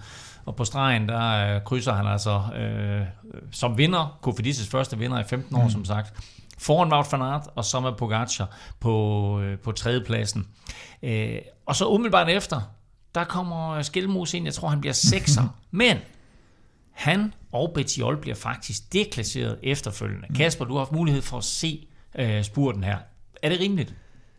Ja, jeg vil sige, at den er, den er jo lidt tynd, men den er også rimelig i forhold til de her regler, om man ikke må afvige fra sin bane, når spurten er startet. Selvfølgelig må du godt afvige, når, når du skal ud, øh, og du ligesom skal fri til at kunne spurte i din egen bane, men, men nogle gange så skal du et godt stykke foran ham, der ligger ved siden af dig, før du må egentlig begynde at trække videre ud. Øh, og der var det lige på grænsen til, om Skelmose var forbi øh, Ineos-rytteren, som han var ved at tage forhjul på, men jeg tror også, det var lidt for Hvem er det? Er det Rodriguez, eller hvem er det, der sidder Rodriguez, der? Ja, ikke? ja, Carlos ja, Rodriguez. Ja. Så var, han, han er ved at blive klippet af første af Skelmose, Men altså, og så bagefter nu, nu, nu, altså, som, som jeg ser det, så er det en lille bitte, jeg ved det ikke. Jeg, som jeg ser det, så synes jeg bare, at det er lidt skuespil, den måde, det sådan, at han ligesom agerer på uh, Rodriguez ja. der, sådan med skuldrene, uh, jeg er ved at styre og sådan noget. Ikke? Og, og selvfølgelig prøver det går med 60 km i timen, og det hele det går pisse stærkt, og det er skide farligt. Så det er slet ikke det. Men det er jo, det er jo hans reaktion. Det er jo ikke så meget Skilmose og så efterfølgende Betiols bevægelse. Det er jo mere Rodriguez' reaktion, som gør, at UCI de kigger på det der, øh, og så efterfølgende deklasserer dem. Ja, det er i hvert fald hans bevægelse i gruppen, der ligesom gør, at man kan se, at der sker noget her. Mm. Og, og jeg vil også sige, at, at nu er der også bjergrytter, der sidder der, men normalt så vil sprinter måske være klar på, at der kommer en inden for gruppen, som sidder i slipstrømmen, som gerne vil ud, og, og måske mm. være mere klar på at rette cyklen den vej, som, mm. som vedkommende kommer. Hvor at han virker som om, han bare sidder lidt og kigger ned i styret og bare spurtet, og så kommer det som en chok, at der er en, der er på vej ud, og så er det, at han ved at miste balance. Så, så jeg vil sige, at den er, sådan, den er lidt tynd, men det var også lidt gratis for UCI i og med, at, at han bliver deklasseret på placeringen, men at det hverken koster sekunder eller, eller mm. et etaperesultat, som egentlig betyder noget. Det er også kun, altså, at, at de er ved at klippe ham to gange, altså, eller han er ja. ved at styre i hvert fald to gange. Det bliver, så bliver det meget tydeligt, at det for det første så er det nok ham eller Ineos eller nogen, der har brokket sig over situationen. Altså, mm. ja, ja, det går jeg ud fra, altså, at han måske har råbt, eller der, der er sket et eller andet med, at de er blevet gjort opmærksom på situationen, Øh, og så... Øh, og så når man kigger på den og siger, okay, det er en farlig situation, at du, altså du, du, du er ved at, I begge to ved at vælte ham to gange og sådan, ikke? men, mm. men uh, lidt som, som Kasper også siger, altså det, det, når, det er, når det er bjergryttere, der spurter, eller folk, der ikke er vant til at spurte, uh, som spurter efter en, uh, jeg ved ikke, Carlos Rodriguez, hvad han overhovedet bliver, men altså, han, Jamen, han kommer, han kommer vel op og bliver... Nå, han bliver nok ikke... Ja. Men altså, jeg vil sige, hvis sidder man i den situation og, og prøver at spurte med sådan der, altså hvis jeg sad der selv, så vil jeg nok tænke, jeg kører en rigtig sikker spurt, hvor jeg holder lidt afstand, eller i hvert fald afviger for dem, der kører vanvittigt. Ja. Altså fordi mindre man selv er med fremme og med til at kan man sige, køre om, om et stort resultat, som vil have en top 3 eller 5, altså så må man gerne uh, lave nogle sindssyge ting og prøve at lukke hinanden eller et eller andet. Ikke? Ja. Men når man som Carlos Rodriguez sidder i bagenden, sidder ned, der er ikke chance for noget, så vil jeg nok bare være sådan der, alle jer, der gerne vil frem og køre vanvittigt, mm. afsted med jer, og så, så sidder jeg mig bare, jeg skal bare ikke tabe tid. Altså. Men er der ikke også, Kasper, er der ikke også nogen, der, der kører sindssygt en spurt om de sekundære placeringer? Det ved jeg, der i hvert fald tidligere har været. Er der, ikke, er der nogen rytter, der sådan er kendt for det, eller oplever man nogle gange det, at spurten ja. om 12. plads, og så er der alligevel nogen, der bare hjerner fuldstændig? Ja, ja, jeg vil sige i hvert fald, der er nogle spurter, hvor at, at der er nogle sprinter, eller hvad kan man sige, sådan lidt folk, der ikke er rigtige topsprinter, der gerne vil frem og have en top 10, så de går ind i nogle vanvittige huller og sådan noget, mm. for lige at, at snige cyklen med ind i top 10, mm. hvor der kommer lige et outfolk baglæns og sprinter, der søger ind mm. i huller, og hvor de tager nogle sindssyge risici, Ja. Så det har jeg set øh, hundredvis af gange, øh, hvor ja, man nærmest tænker, at de er fuldstændig ligeglade med konsekvenserne, selvom de måske bliver nummer 12. Ja. Men der er vel også noget af det der mentale i det, du ved, altså med, at jeg har slået et andet menneske i en spurt, øh, fordi ja. nogle gange så ser vi, lad os sige, en stor gruppe, som det her for eksempel, der kommer ind, er, hvor mange er der alt i alt, 23 eller sådan noget, ikke? Mm. Øh, og så kommer der en gruppe efterfølgende, og de spurgte også om det. Mm, altså, ja, vi snakker placeringerne 24 til 36 mm. eller sådan noget. Og alligevel så, uh, jeg skal først over Men den siger du også, Nu siger ja. du også, slår nogen i en spurt. Det var fordi, jeg kom faktisk til at tænke på en situation, Jesper Skibby engang havde, i, da han kørte, hvor han spurgte med en af de her Seberg-brødre, som var meget kendte dengang, og øh, de, det var også sådan noget om 12. eller 14. plads. Og der blev Skiby så rasende på ham, at han simpelthen stak ham ind på hovedet bagefter, da de kørte ind, fordi han, han kørte så fuldstændig sindssygt i sådan en... Ja. Uh, det gad han altså ikke, så han gik hen og nakkede ham ind på hovedet. Men det så kan man også. Jeg ved ikke, altså jeg ved ikke, jeg ved ikke, hvordan, øh, så der er lidt forskelligt, hvordan folk ser på det, men der er, der er mange, der er en type af cykelrytter, og sådan, der er ret mange, som, som gerne vil have, at deres resultater, selv når de kommer ind i et felt, altså at de vil gerne ja. køre top 50 i alle mm. løb, de kører. Ja, ja. Altså, der, der er nogen, der har den der, ellers, inderst inden er det vel en eller anden sådan GC, eller klassementstanke, ja, ja. eller sådan et eller andet med, jeg er så god, at jeg kan køre altid top 50, eller sådan noget. Er det ikke rigtigt? Ja, jo, 100 procent. Altså, der, er, der er rigtig mange, der virkelig går efter, at deres Pro Cycling Stats side, sådan ja. hele tiden er, det er rigtigt. Oh, men jeg blev 25 øh, den dag, og jeg blev nummer 28 den dag, men altså i sidste ende, så kommer man ind med feltet, så det er lige meget, ja. om du bliver nummer 25. Hvor meget betyder det for sådan en som Skelmose, at han ikke får den her top 10 placering? Altså når, når, han, når han efter Tour de France kig, kigger ned over øh, sin Pro Cycling Stats eller Palmares der, ikke, så står der en 23. plads i stedet for en 6. plads. Jeg tror ikke, det betyder noget for ham, men, men til gengæld er Skelmus, tror jeg, er også en af de typer, der godt kan lide, at han altid er med i toppen. Men lige det, han har gjort, altså han kører jo også decideret med frem i klassementet. Altså han gør det på en måde, hvor han faktisk får resultater. Men det er mere, dem, det er mere de der, når, du er, når det er sådan noget plads nummer 20 til 30 eller sådan et eller andet. Der er jo nogen, der kæmper for det, selvom ja. at, at sejren er så langt mm. ude af mm. rækkevidde. Ikke? Og det er sådan, det er bare en speciel type der. Men også øh, en, ta- en tanke, jeg lige kom til i forhold til, når bjergrytter de spurter. Det er jo sådan noget som, at altså, det er jo irriterende for, for mange, men noget af det, som, som for eksempel bjergrytter vil gøre, var at spurte siddende, og så kigge ned i jorden. Ja. Og det er sådan noget, som er en total no-go, for Kasper ved det, og alle, der sprinter eller kører finaler ved det, du skal ikke kigge ned i jorden. Det er sådan en, det kan du gøre, når du sidder alene ude på et bjerg, ikke? Ja. Altså det er sådan noget, hvor de gør nogle gange, så gør de nogle ting, som er totalt no-go, og de ved det ikke selv. Altså sådan selv, jeg har aldrig været sprinter, men selv jeg ved det. Øh, der er bare, det er bare lidt sjovt med bjergrytter, som sådan, nogle gange så forstår de bare ikke, altså den setting, de ligesom er i.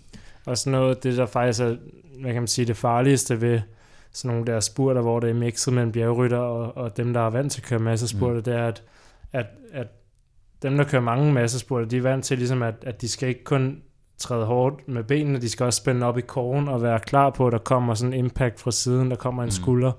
der kommer et svej. Hvis du er bjergrytter, og du nærmest aldrig befinder dig i en spurt, så, så ligger det ikke instinktivt, at du skal være klar på, at der kommer en skulder, og der kommer også en fra den anden side, som ja. kommer ind i din bane.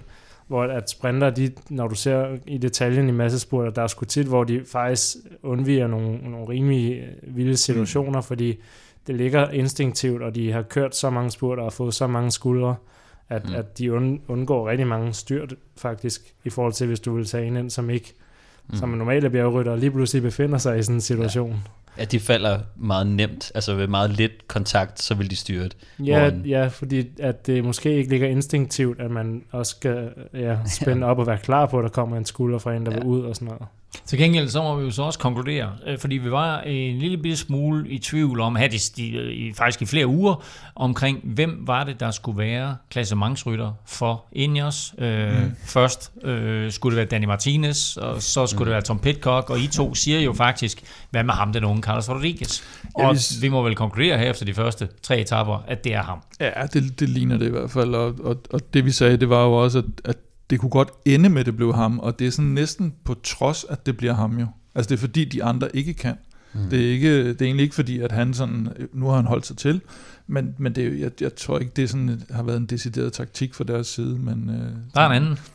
Men, altså jeg vil sige, det er jo ikke fordi, at, øh, at de andre har kørt helt ud af lystavlen. Altså, men nej, nej. vi kigger på, så er det... Ah, jeg tror, Danny Martinez tabte noget tid i går, ikke? Jo, jo, altså for eksempel Pitcock og Bernal, de, de Om det, var, det, var, ham, det var faktisk ham, jeg ville nævne nemlig med Bernal. Ja, det er jo de lidt, lidt, lidt sjovt at se med ham, ikke? at han har været med de første to dage. Det er ham, der får et-tallet, kan man sige, ikke? og jeg synes, han faktisk har gjort det imponerende mm. i forhold til de forventninger, man også havde til ham.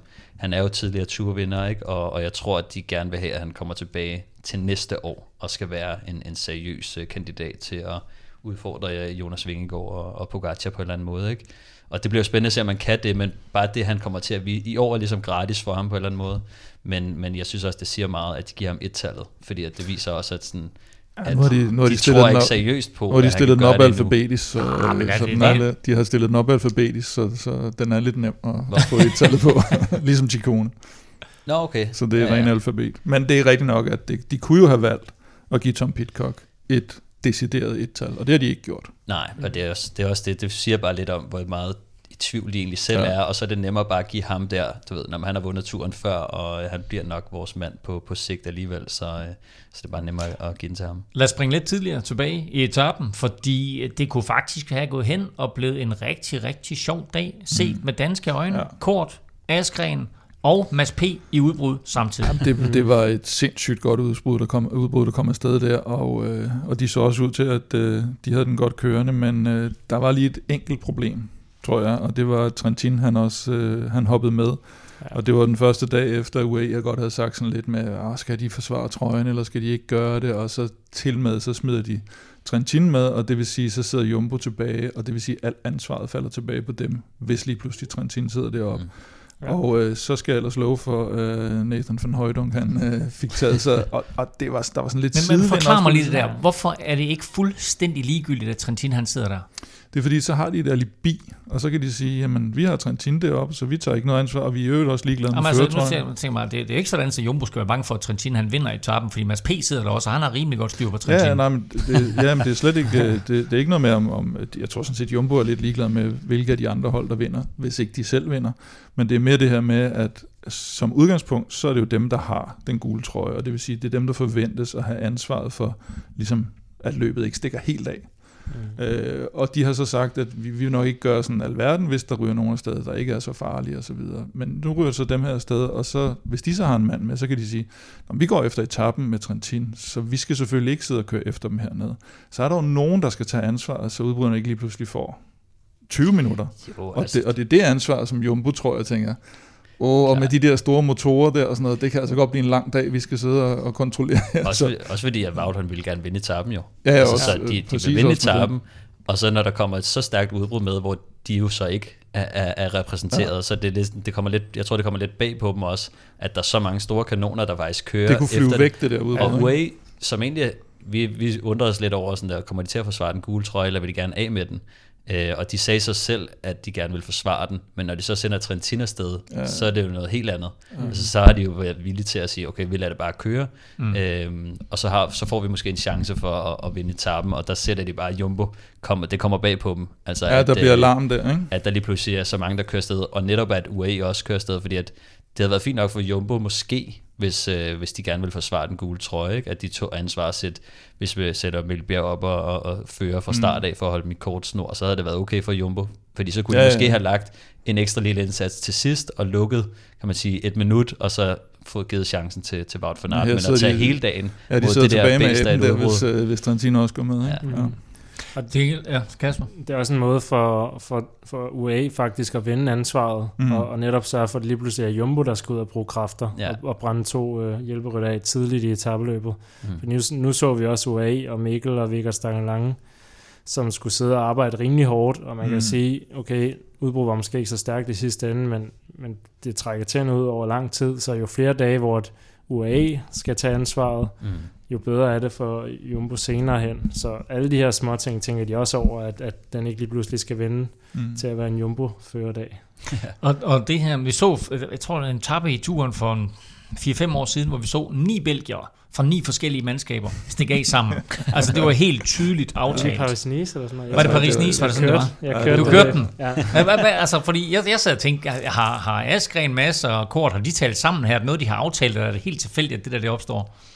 Altså belgierne? Nej, Nej jo, men, lad os tage Belgien, den kan vi også tage, men altså, nu tænkte jeg også de tre danskere, der stak ja, her på første eller anden etape. Jeg tror ikke, de har aftalt det faktisk. Jeg tror bare, de alle sammen har, øh, har, har læst uh, etappen godt. Samme interesse. Ja, ja, og så, øh, så er det jo også alle sammen, hvad kan man sige, stærke profiler, hvor de faktisk vil kunne vinde, så så det er også ja, tilfælde, at, at der er netop, at de alle sammen har dansk pas, men det er alle sammen for alle et, et godt udbrud at ramme, hvis visse klassementsholdene ikke vil mm. køre den ind, så så ja, jeg sad og så det og tænkte, det, det bliver meget interessant at se så mange danskere. Og hvad med, tag lige den der med Belgien også. Jamen det var en etape i, tror jeg, Paris-Nice, hvor det, at det var lidt, lidt eller det, øh, vi så i dag øh, på tredje etape, hvor der ikke sker noget som helst, og feltet egentlig bare venter på en masse spurt folk falder lidt i søvn, og så lige pludselig, så kommer der bare 10 belgier, der spurter ud i højre side af vejen, mens øh, der er nogle andre, der står af på naturens veje. og så får de hurtigt 40 sekunder, og alle går i panik, og feltet bliver to kilometer langt. Um, mm. Og egentlig for et, et rimelig godt angreb på etappen. Men, men det kan vel ikke være tilfældigt ni belgier? Altså, det må Ej, de, de, har, de har talt sammen, ja. De de har siddet nede bag og lige haft kaffeklub, ikke? Og tænkt, ja. hvad fanden. Men det var så også et helt andet moment på etappen, hvor det hele ligesom er sat, mm. og der sidder en eller to ude foran, og alle sidder og sover lidt. Hvorimod, at, at i går var det, var det meget Jeg ville mere. rigtig, rigtig gerne have set Askren, Mads P. og Kort få lov til at give den gas sammen. Ja. ja jeg tror faktisk også, at jeg tror, hvis ikke Trentin havde været med, så tror jeg, at de havde haft en god chance, fordi jeg, så skulle der lidt mere end Mikkel Bjerg til at hente dem i hvert fald.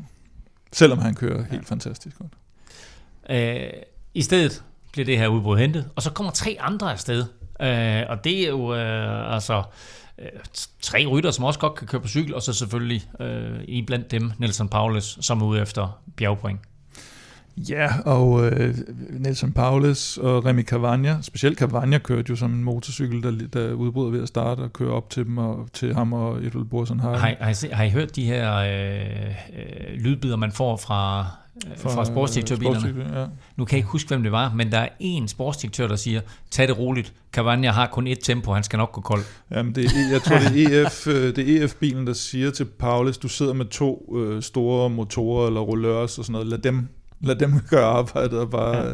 bare spare dig lidt. Og man kan sige, Cavagna, han er jo en af de her rytter, nu kan jeg ikke, jo, nu er det ham her, Spanieren, vi talte om også, at de der, der, der, der er friske på at tage en føring, kan man sige. Ikke? Øh, og det, mm. det er Cavagna i hvert fald. Ja, det kender du. Ja, du, hold, du er holdkammerat ja, med ham. Så jeg tænker ikke så meget, tror jeg. Jeg tror bare, han kører, ja. når, når han er afsted. Ikke? Og det, det, jeg tænker, det er dejligt at være afsted med sådan en, ikke? fordi så ved jo. man, at der skal ikke diskuteres om, øh, om føringerne. Ja, det eneste problem, det er, at nogle gange er han så stærk, at han bare kører folk ud af hjulet. Ja. Men han er heller ikke en, der sidder på hjulet og sparer sig. Nej, han, øh, det, det kan også være lidt hvad kan man sige, når man er holdkammerat med ham, og man ser, at han måske lader de andre komme med på en fribillet. Mm. Det synes det er pisse irriterende. Så lidt i håret, og man tænker, lad nu her med at smide din chance, du kan køre dem midt over senere. Ja. Hvis Men altså bare... Kasper, jeg tænker også sådan en etape som det her. Havde, havde det nu været en eller anden fladbaneløb i Belgien eller et eller andet, eller Holland, Danmark for en sags skyld, Fint nok, Cavagna kommer afsted, så kan han være svær at hente. Men ja. det her terræn, altså op og ned hele dagen, 3300 højdemeter, altså, ja. altså hvad skal han afsted for? Jamen faktisk lige Cavagna skal man ikke undervurdere på stigninger nogle gange, når han har sine dage, mm. så mm. klatrer han faktisk virkelig godt, og det er jo bare fordi han har en kæmpe motor. Um, han har også været mere trimmet her faktisk det seneste års tid, har han ikke det, end, end tidligere. Og nede omkring Clermont-Ferrand, hvor han kommer fra, der han også, øh, står han på øverste trin på mange straffe stigninger. så han, han, altså, han har mange stigninger øh, på straffe også. Og, men det virkede til, at han slet ikke havde benene i går, mm. desværre. Så, så det var noget aldrig at komme på tale. Han skulle vise benene opad heller. Og bliver kaldt TGV-toget fra Clermont-Ferrand. Så, ja. øh, han, øh, Men Paulus, han havde, sgu, han havde meget godt skud i den. Han blev jo hentet to kilometer før øh, toppen af Reskibel der. Han var i udbrud i 177 kilometer. Ja, og han kørte altså stærkt helt til det sidste nærmest. Ikke? Altså, og så selvfølgelig, da han blev hentet, så, så slappede han lidt af. Mm. Ja. Men øh, hvis ikke det havde været for Mikkel Bjerg, så havde han da nok holdt op over Reskibel også. Og lad os lige tage den der, fordi øh, det ender jo så med, at det bliver UAE, som kommer til at tage øh, rigtig, rigtig meget ansvar øh, for at få mm. hentet udbruddet. Øh, bruger de for mange kræfter på det her? Nej, jeg synes ikke, de bruger for mange kræfter, men det gik bare lidt for hurtigt på et tidspunkt, tror jeg. At det er Mike, både Mike og Trentin er også op at sige til, til Mikkel Bjerg. Jeg tror faktisk også, Soler var det på et mm. tidspunkt at sige, prøv lige at slappe lidt af, og Mikkel Bjerg siger bare, nu, I kører bare ind bag, ind bag ved mig, og så, så kører vi. Ja. Fordi man kan sige, det, det var jo det var jo tydeligvis noget med, at de gerne ville have dem hentet inden toppen af Rejskibel, fordi der lå de her bonussekunder. Det, som jeg ikke ved, om de havde tænkt over, eller, eller om de bare var så, eller om de måske troede, at, øh, at det var bedst at komme kom først over, så, så Pogacar kunne få øh, de 8 sekunder, og så kunne man måske få, øh, få ikke få Jonas Vingegaard med op over øh, det er jo, at der er, der er jo det samme antal sekunder. 8, 5 og 2. Det er jo sådan lidt specielle sekunder i forhold til på målstregen 10, 6 og 4, så det vil sige, at der er jo større forskel øh, derned efter, altså på første og anden pladsen end på anden og tredje pladsen. Og her havde det jo sådan set sekundmæssigt været ligegyldigt, om Pogacar og Jonas var blevet 1 og 2 eller 2 og 3, øh, og dermed lidt ligegyldigt, om de havde hentet øh, Paulus inden eller, eller efter Rejskibelle. Så jeg tror må, måske har det for de mere rutinerede ryttere været sådan lidt, øh, slap nu af, altså han skal bare hente sin en målstreg, ikke? Det, det er det vigtigste, så, så, vi, så, så vi, eller for dem var det vel egentlig ligegyldigt, hvis ikke de ville have føretrøjen, så kunne de jo sådan set være ja. helt ligeglade. Men, ja. men det, det, det var som om, at de der bonussekunder, det var det, der var deres, deres øh, målsætning. Ja, vi kan også spørge om Mikkel, han, øh, han har rigtig gode ben, og har lidt svært ved at, ja. at tøjle det, øh, tøjle det lige nu, ikke? Altså, øh, og så også altså det her med, hans, som hjælperytter, så er det det ypperste, man kan opnå. Det er jo, mm. hvis han kan styre udbruddet fra start til slut, øh, så, så er man som, som hjælperytter, eller i hvert fald i den rolle, han har, øh, så har han gjort, øh, så gjort sit arbejde perfekt. Men mm. han er, nogle gange så kan Mikkel være lidt for meget op at køre, det ser vi i hvert fald her. Øh, men det betyder også, at han har gode ben. Altså, ellers mm. så, så gør man ikke sådan noget. Men jeg kan huske, det var noget, jeg faktisk kom i tanke om. Det var, øh, vi kørte, øh, vi kørte en gang en postkop i Danmark, hvor at øh, Kasper, han kører på hold med Mikkel Bjerg, og vi sidder i et udbrud på et tidspunkt, og øh, det er sådan, at øh, mig og Kasper sidder over begge to, fordi at vi tænker på at vinde, og så Mikkel, han fører for Kasper, ja. og øh, Mikkel, han sidder og fører af, og så er der sådan på den her rute en bakke, hvor Mikkel Bjerg, han bliver ved med at køre overdrevet stærkt, og han smadrer folk i udbruddet, fordi alle dem i udbruddet, de ender med at falde af, en for en. uh, og så siger jeg, jeg siger noget til Mikkelsen der, rolig et eller andet, så prøver at sige noget til ham, og han gør ikke noget. Altså, mm. han kan ikke se, eller han hører ikke, hvad jeg siger, eller eller andet. Og så spørger jeg siger til Kasper, sådan, kan du ikke lige snakke med din holdkammerat, fordi han smadrer udbruddet fuldstændig.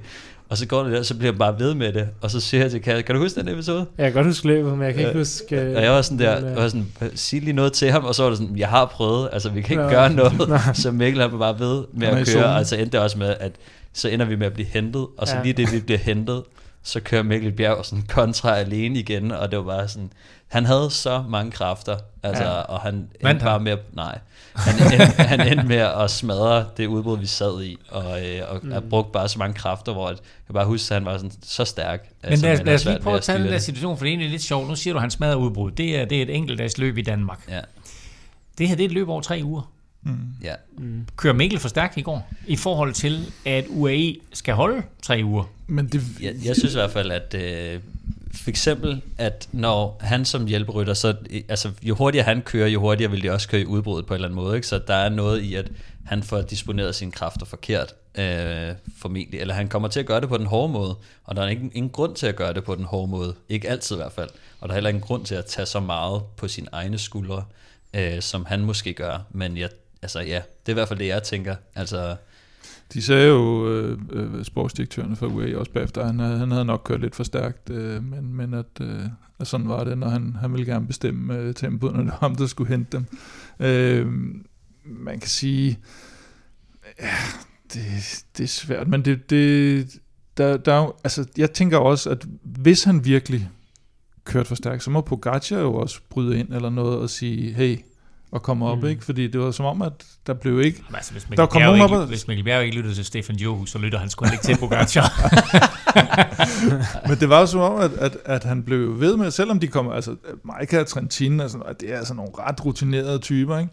Og mm. det var ikke som om, at han slappede vanvittigt meget af. Så, og hvis det havde været så slemt for dem, så tænker jeg, at der var blevet grebet ind fra holdets side, enten for Pogacar dernede for sportsdirektørbilen, og ligesom sat ham sådan, hvad skal man sige, på plads, eller sige, nu, nu, nu stopper du altså. Så de har på en eller anden måde accepteret det, tænker jeg. Ja. Mm.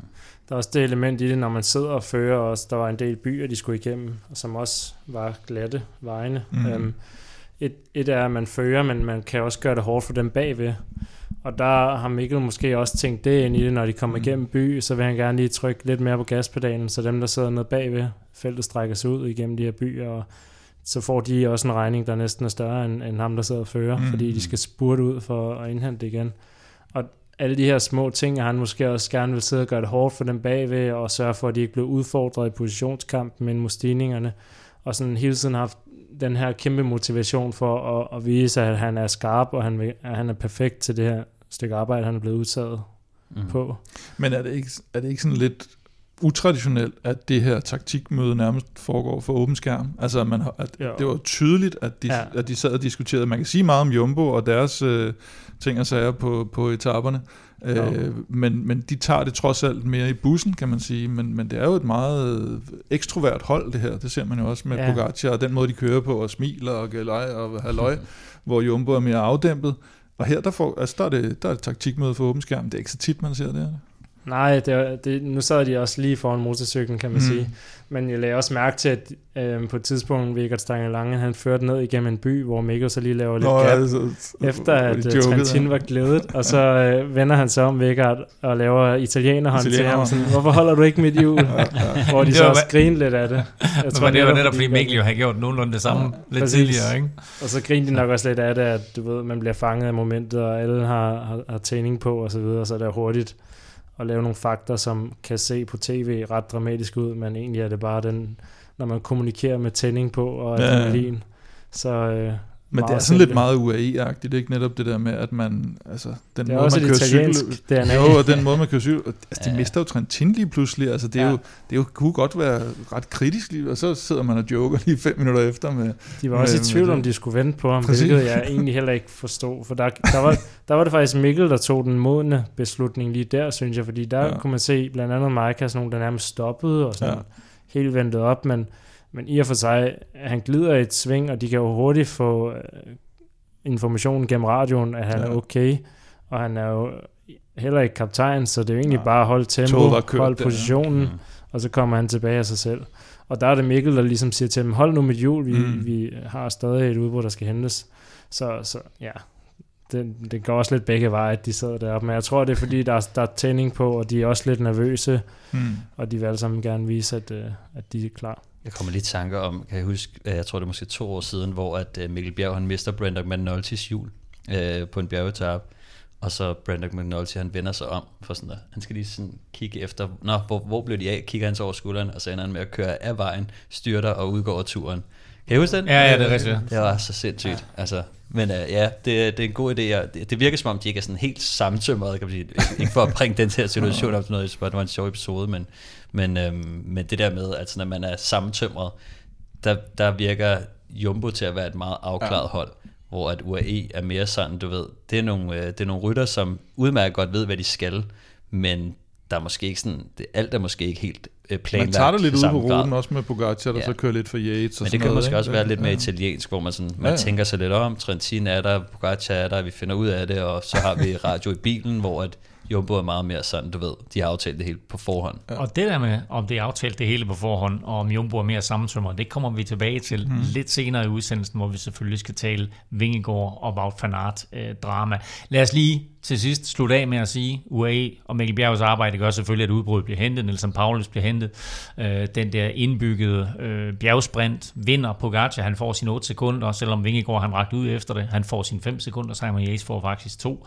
Øh, og så kommer det til mål, den her samlede gruppe, øh, hvor det så er, at Victor Lafay, han snyder alt og alle. Og Kim, der er jo faktisk en lidt sjov historie med øh, Victor Lafay, fordi øh, det her med, at han pludselig lægger med frem, både på første og anden etape, det kommer jo nok for de fleste som lidt af en overraskelse. Undtagen Stefan Johus, der jo nævnte ham i vores forrige udsendelse, eller i vores optagsudsendelse.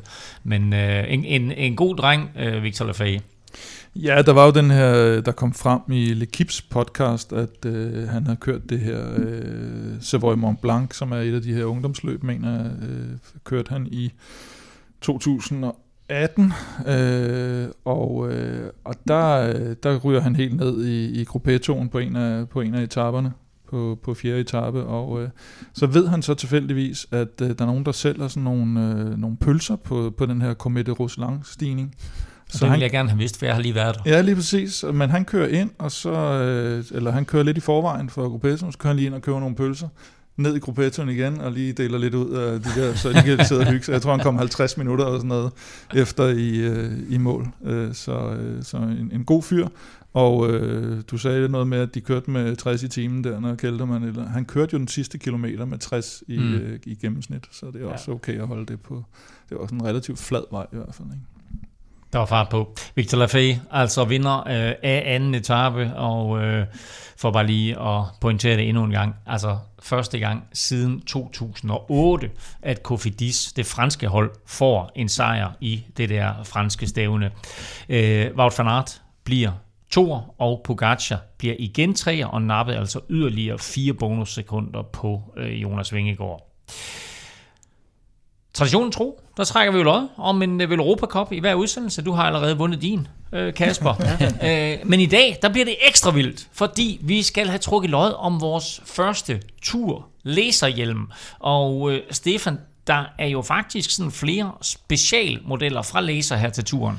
Ja, de har lanceret noget nyt. De har lanceret tre nye hjelme op til, til turen, som er lidt Tour de France inspireret. Øhm, også fordi at Laser de er officiel sponsor øh, af, af, af Tour de France, øh, så har de lavet en, øh, en ny hjelm, som øh, egentlig ja, som, som er lavet til børn, og øh, som hedder Nuts Kineticore. Øh, men, øh, men altså, de er, det er jo Tour de France inspirerede øh, hjelme, og, øh, og der har, der har de så lavet en til hver, en til børn, og øh, samtidig med det, så har de også det her øh, Grow with Laser øh, koncept, øh, som gør, at de giver et tilskud til, når man, når, når man ligesom er groet ud af en hjelm, og så kan man mm. få et tilskud og få en ny laserhjelm. Så øh, meget sødt, øh, og meget smart for dem selv også. Øh, så har de også lavet en... Øh, de har også lavet en, en hjælp til, til motionisten, kan man sige, øh, som hedder Tempo, øh, og øh, den er, sådan, den er også meget fed. Der er sådan lidt øh, diskret øh, Tour de France øh, detaljer på. Øh, den er også meget fed.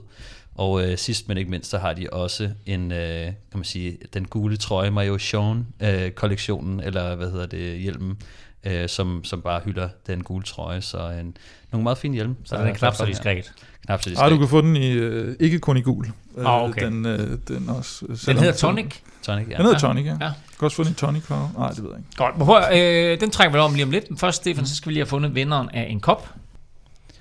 Ja, og øh, vinderen af vores øh, Velropa, Velropa Cup er M. Kongsted den her gang. Sådan. Mm-hmm. Er det musikeren? Det, øh, det er meget muligt faktisk. Ja. Havde han også noget med M til Nej, jeg tror ikke. Cykelrytterens Ja, han er Andreas Kongsted. Ja. ja, det er rigtigt. Nå, du kender ham også. Nå, det er Kongstad, ikke? Med, med hedder, Tobias. Det er Tobias Kongstad, jo. Ja, okay. Det er ikke den samme, nej. Kan være, han har stadig sin, øh, hans bror har stadig sin e-mailadresse forkert. Så kan det jo... Ja, det er godt. Det stikker af det her. Ja. M. Kongsted vinder en kop. Hvem vinder vores første laserhjelm? Det gør Søren Andersen. Og Sådan. dem er der måske nogle af Søren Krav Andersen?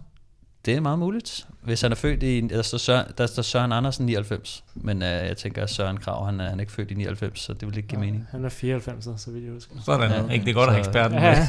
det er godt ekspert. Jamen hey, øh, fedt øh, Kongsted og Søren. Stort tillykke med øh, jeres øh, henholdsvis nye kop og øh, nye hjelm. Og i næste udsendelse, som er på torsdag, der trækker vi lod om den nye bog, Planen. Og Kim, den, nu har jeg ikke læst den, men jeg tror, den kan sgu godt være ret vild. Ja, den er, det er en lidt lang sag at komme igennem, så vi skal lige have læst øh, bogen, men jeg vil sige, øh, historien om, om planen, den er, den er vild nok i sig selv med ham her, øh, forfatteren Nando Borsch, tænker jeg, det udtales, øh, som, har, som har fulgt øh, Jumbo og Jonas Vingegaard i, øh, i tre år, op til at, øh, at Jonas Vingegaard han vinder øh, Tour de France sidste år, og hvor du altså kommer helt ind, øh, ind bag kulisserne.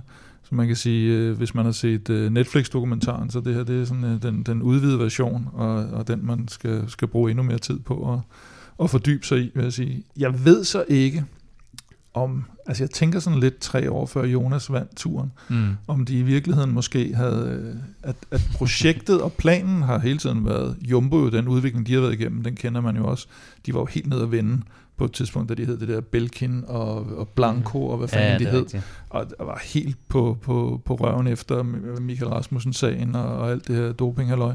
Og så er de jo simpelthen bygget op og bygget organisationen op og alt det her. Og, og så, så projektet og planen har jo været, at de skulle have en turvinder. Jeg ved ikke, om de tre år inden Jonas vinder turen havde regnet med, at det lige blev ham, men, mm. men det var så heldigt nok, Sepp at Kuss. det...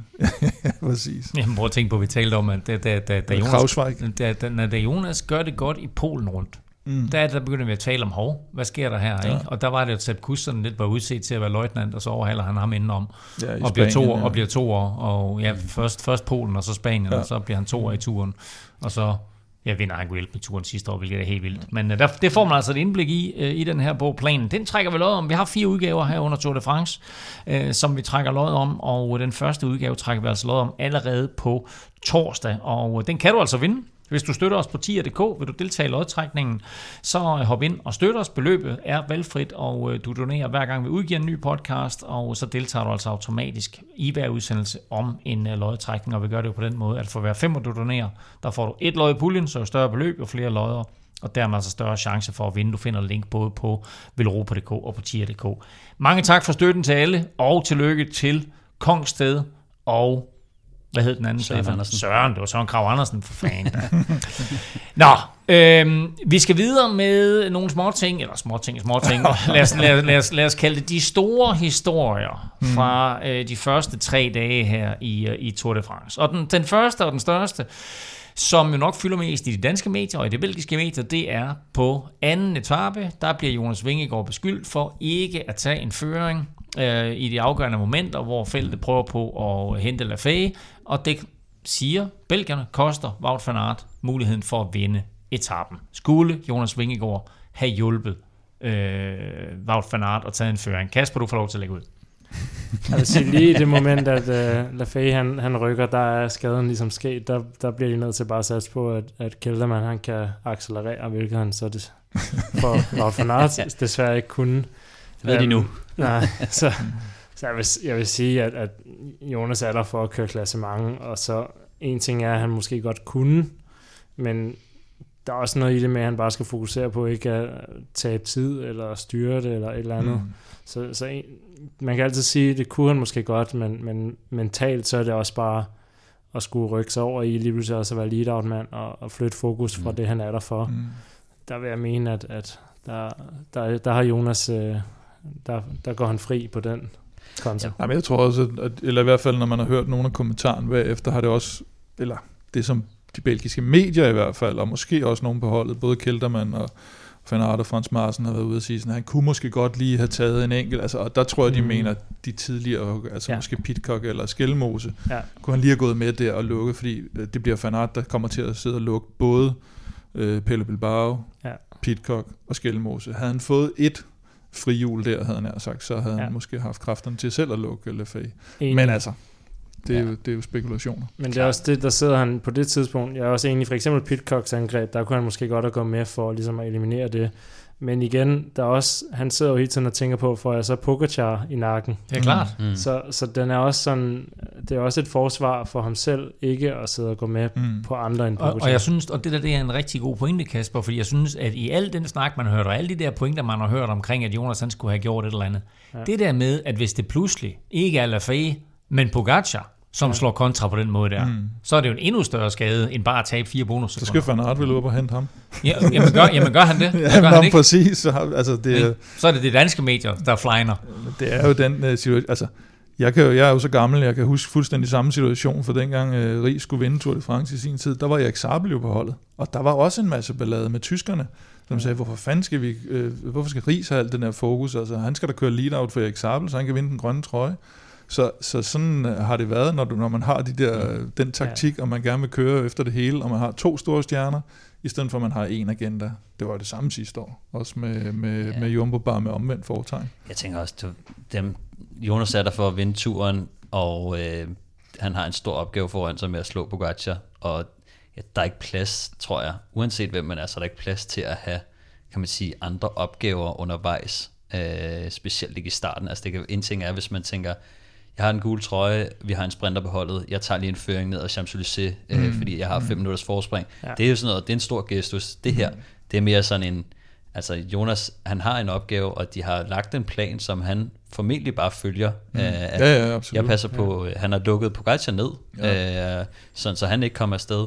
Han har offret, kan man sige, sin chance for en etappesejr, og sin chance for at tage tid på de andre konkurrenter. Øh, mm. Fordi at Pogacar er villig til at køre, selvom hans ko-kaptajn og gule trøje mm. sidder nede bagved. Så hvis det var mig, der havde været Jonas Vingegaard, så havde jeg nok været sådan, det her det er for godt til at være sandt. Den bliver nødt til at fortsætte ja, man, på. Og det er super interessant, det der, Stefan. Skulle ja. Vingegaard være kørt med, og så sagt, hey, vi kan nappe 30, 45, 60 sekunder måske på, på de andre? Jeg vil, jeg vil sige, nogle gange i et cykelløb, så bliver man nødt til at give hver cykelløbet, det, det forærer dig. Altså, jo, men problemet og er det, der. Og der synes jeg, men ja, altså jeg synes... Problemet er, så går han ud over holdordren. Præcis. Fordi mm. ideen fra starten ja, har jo været... Lad os lige starte med Stefan. Ja, ja jeg, jeg siger, jeg ved, planen er, at de skal køre for Vaut. Så jeg synes, det er en kæmpe stor ting for Jonas, at han ikke fortsætter på den, fordi mm. jeg, jeg vil til hver en tid sige, hvis jeg får den her foræret, så, så tag den chance. Og jeg tror også, hvis de vidste, hvis Jumbo vidste på forhånd, at de ville sidde i en situation, hvor at Pogacar og Jonas havde separeret sig fra de andre, og de havde en chance for kan man sige, at tage noget tid på de andre. Om det så havde været 20 sekunder. Hvem skulle ellers have ført dernede? Altså, UAE ja, gad ikke, det, Jumbo gad ikke. Altså, hvem skulle ellers have ført? Efter det, de to, så skulle vi have siddet med... Der tror jeg skulle stadigvæk... Så skulle Pitcock have ført, eller et eller andet, jo, hvor det men, sådan... Simon Yates. Jeg tror, aftalen har jo været, at de skulle køre for Van Aert på den etape, og den aftale tror jeg er så fasttømret hos dem, og netop det der med, at der skal være plads til dem begge to. Det er den måde, de har mm. valgt at ja, køre på. Ja. Det så man sidste år, mm. det ser man i år. Så kan man diskutere, om det er den rigtige måde at vælge at køre på. Sidste år gik det skide godt. Mm. Øh, også lidt tilfældigt, for der startede de jo faktisk med tre store mm. rytter, mm. og så heldigvis for dem, kan man sige, og alt det der palaver, så røg øh, Roglic ud, så havde de da ikke den, de skulle sidde og, og, og diskutere om også. Mm. Men når man vælger at køre det der totalcykling, som de kalder det for, mm. sammenvinden, som de har det der yeah. ordsprog, og som de kører i forårsklassikerne, og giver hinanden lidt sejrene og sådan noget, ja. så vælger man at sige, der skal være plads til Van Aert. Han skal have plads til at få det. Derfor ved Jonas, når Pogacar kører, så, øh, så bliver jeg nødt til at mm. sidde her, fordi ellers så bryder jeg holdet, og så bliver der ballade ja. i bussen. Så sidder Van Aert. Men det er jo rigtigt nok, på, et, på alle andre hold stort set, ja, der, der, der er det bare at køre. Altså ja. hvis han kun skulle tænke på sig selv, hvis de kun havde haft en kaptajn, Selvfølgelig skal han gå med Pogacar prøv, der. Prøv, prøv at tænke på flere sammenlignelige situationer her. Ikke? Altså sidste år, hvor Wout van Aert, han kører på fjerde etape og mm. glemmer at tage Jonas med. Ikke? Ja. Der, er der, der, der er der ingen belgiske medier, som er ude og sige, at han skulle have ventet på sin kaptajn. nej, nej. Selvom Pogacar tager pis på ja. Wout van Aert i, i målområdet. Ikke? Den kan vi også ja. lige vende tilbage til.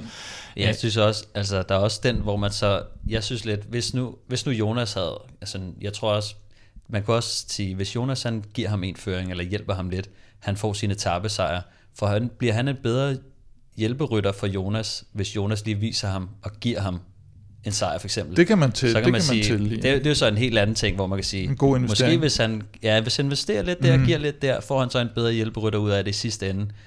Det er sådan, synes jeg, det er måske også en overvejelse at være, men det er igen totalt off-script. Det er ikke meningen, mm. og det er svært øh, at, og, kan man sige, gøre.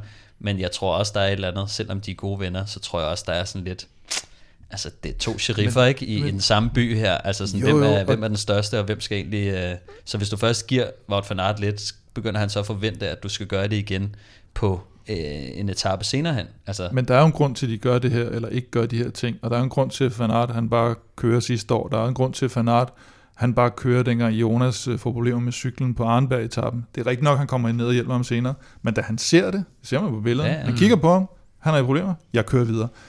Det er fordi, han er en egoist. Og det skal han, og, og, det skal han være, okay. og det er Jonas jo. Nå, men ja, det er ja, det jo. Ja. Og det er jo derfor, han vinder alle de cykelløb. Hvis ikke han havde været en egoist, så har han aldrig nogensinde vundet alt det, han har. Og han er en kæmpe stjerne på det hold, og de vil altså gerne have de her to, tre med Roglic øh, stjerner til at fungere samtidig. Og det er med mig svært nogle gange. Men der er ingen af dem, hverken Van Aert sidste år, hvor vi synes, at belgierne var åndssvage, eller Jonas i år, hvor belgierne synes, at øh, Jonas er åndssvag. Der er ingen af dem, der bryder reglerne på holdet. Man kan diskutere nogle nuancer, og som de også siger, vi sidder og taler om det mm. bagefter, så evaluerer vi. Vi kunne måske have gjort det lidt anderledes. Det prøver vi så at blive bedre på næste gang. Men der er ikke nogen, der decideret har gået ud og har brudt en aftale. Og det tror jeg, Jonas ville have gjort, hvis han havde kørt med på Gacha så har der altså været ja, ja. skummet mund hos øh, Van Aert øh, ja, ja. i bussen. Og, og, og det er en rigtig god pointe også, hvis man igen de her team radio, som man havde i gang til, der siger de jo ret tidligt, mm. Wout øh, skal vinde i dag, og da udbruddet blev hentet, så mm. nu kører vi for Wout, og da ja, ja. de kommer hen over toppen, så nu vinder Wout. Så det er hele vejen planen, og derfor er det også Jonas, han står der med alverdens mikrofoner i ansigtet ja, i går. Jeg gjorde, hvad jeg fik og, og, og, og, det, og det er også lidt vildt, ikke? fordi Jonas jo aldrig rigtig har været i den der situation, mm. at der har været konflikt på den måde, som han skulle forholde sig til, og at mm. der pludselig er internationale medier, der forholder ham til andet, end det at køre på cykel. Ikke? Altså han er en, en lille dreng op fra Tybo, der kører pisse stærkt opad. Jo, og, og, Belgien. og, og, og, og Belgien, ikke? Ja, altså, det er jo altså er ikke en lille cykelsportsnation. Nej, det, og det er Belgien, og det er i Baskerlandet. Ikke? Ja. Altså, så det er, det er nærmest øh, så øh, cykelmæssigt stort, som det overhovedet kan blive. Øhm, nu ender det så med, at, øh, at, at Pogacar han napper de der bonussekunder og så videre, og Jonas skal stå og forsvare sig, og Wout van Aert, han, øh, han er irriteret over, at han kun bliver nummer to, fordi Lafay jo snyder, eller Lafay snyder dem alle sammen. Øh, Wout van Aert har i dag øh, været ude inden etappen, inden tredje etape mm. i dag, været ude og, og så øh, lige lægge lidt låg på det hele og sige, at ja, det havde da været fint nok, hvis Jonas han havde taget en føring, men mm. der er mm. ikke noget ballade mellem os. Øh, Nej, men, han siger, at øh, kritikken er ham er uretfærdig. Det er, præcis, sagt, det er præcis den der øh, udme- udmelding, han laver. Jo, og det, og det er også, og sportsdirektøren var jo også frem og sige nærmest lige efter etappen, altså hvis der er nogen, der skal kritiseres, hvis der er nogen, der mener, at vi har lavet fejl, så er det den sportslige ledelse, der står til ansvar for det. Mm-hmm. Og det, ja. det er de jo sig selv, så skal de jo selv evaluere, om de synes, de har lavet fejl. Øh, så ja, ja. Det Men lad, lad os så tage den videre, fordi uh, Wout van Aert er, er super ærgerlig i går og slår i styret og, øh, og råber i bussen og så videre. Og så ser man Pogacar sidde og rulle af. Og så laver Pogacar sådan en, en uh, imitation af Wout van Aert, hvor han slår ja. i styret, ja. og samtidig kalder Wout van Aert for en baby. Kasper, ja. hvad er det, der foregår her? Fordi som jeg ser det, ja. så har der allerede inden turstarten været masser af mind games. Nu er det ikke kun cykling, det drejer sig om. Nu er det ja. simpelthen et spil mellem UAE og Jumbo, mellem, øh, hvad hedder det, Pogacar og Vingegaard, måske endda også øh, Wout van Aert. Jamen, jeg synes faktisk, det er ret fedt at se, at øh, der er den her krig faktisk mellem de her hold, og det ikke kun er rygklap efter målstregen og good job mate og sådan noget. At, at der faktisk, vi får et indblik i nu, at der, at der er krig mellem de her to hold, og det er ikke bare øh, et cykelløb en eller anden søndag, der skal vindes. Det er det største på hele kalenderen, øh, som de begge to har mødt op for at, at vinde. Um, og jeg synes, jeg, jeg tror så også lige, det her var ikke meningen, at det skulle fanges på kamera, det som Pogacar han, han, han gør, og han ligesom genskaber øh, Fanarts skuffelses øh, ja, mm. move, um, og så siger han like a baby til, til Yates bagefter, ikke? ja. Hvilket også er tit, når man kommer i mål, og man er udmattet, man er smadret, man er lidt irriteret på de andre, fordi man har siddet og skubbet lidt, så, så er man hurtigt til lige at sige nogle ting, der ikke, måske ikke skulle fanges på kamera.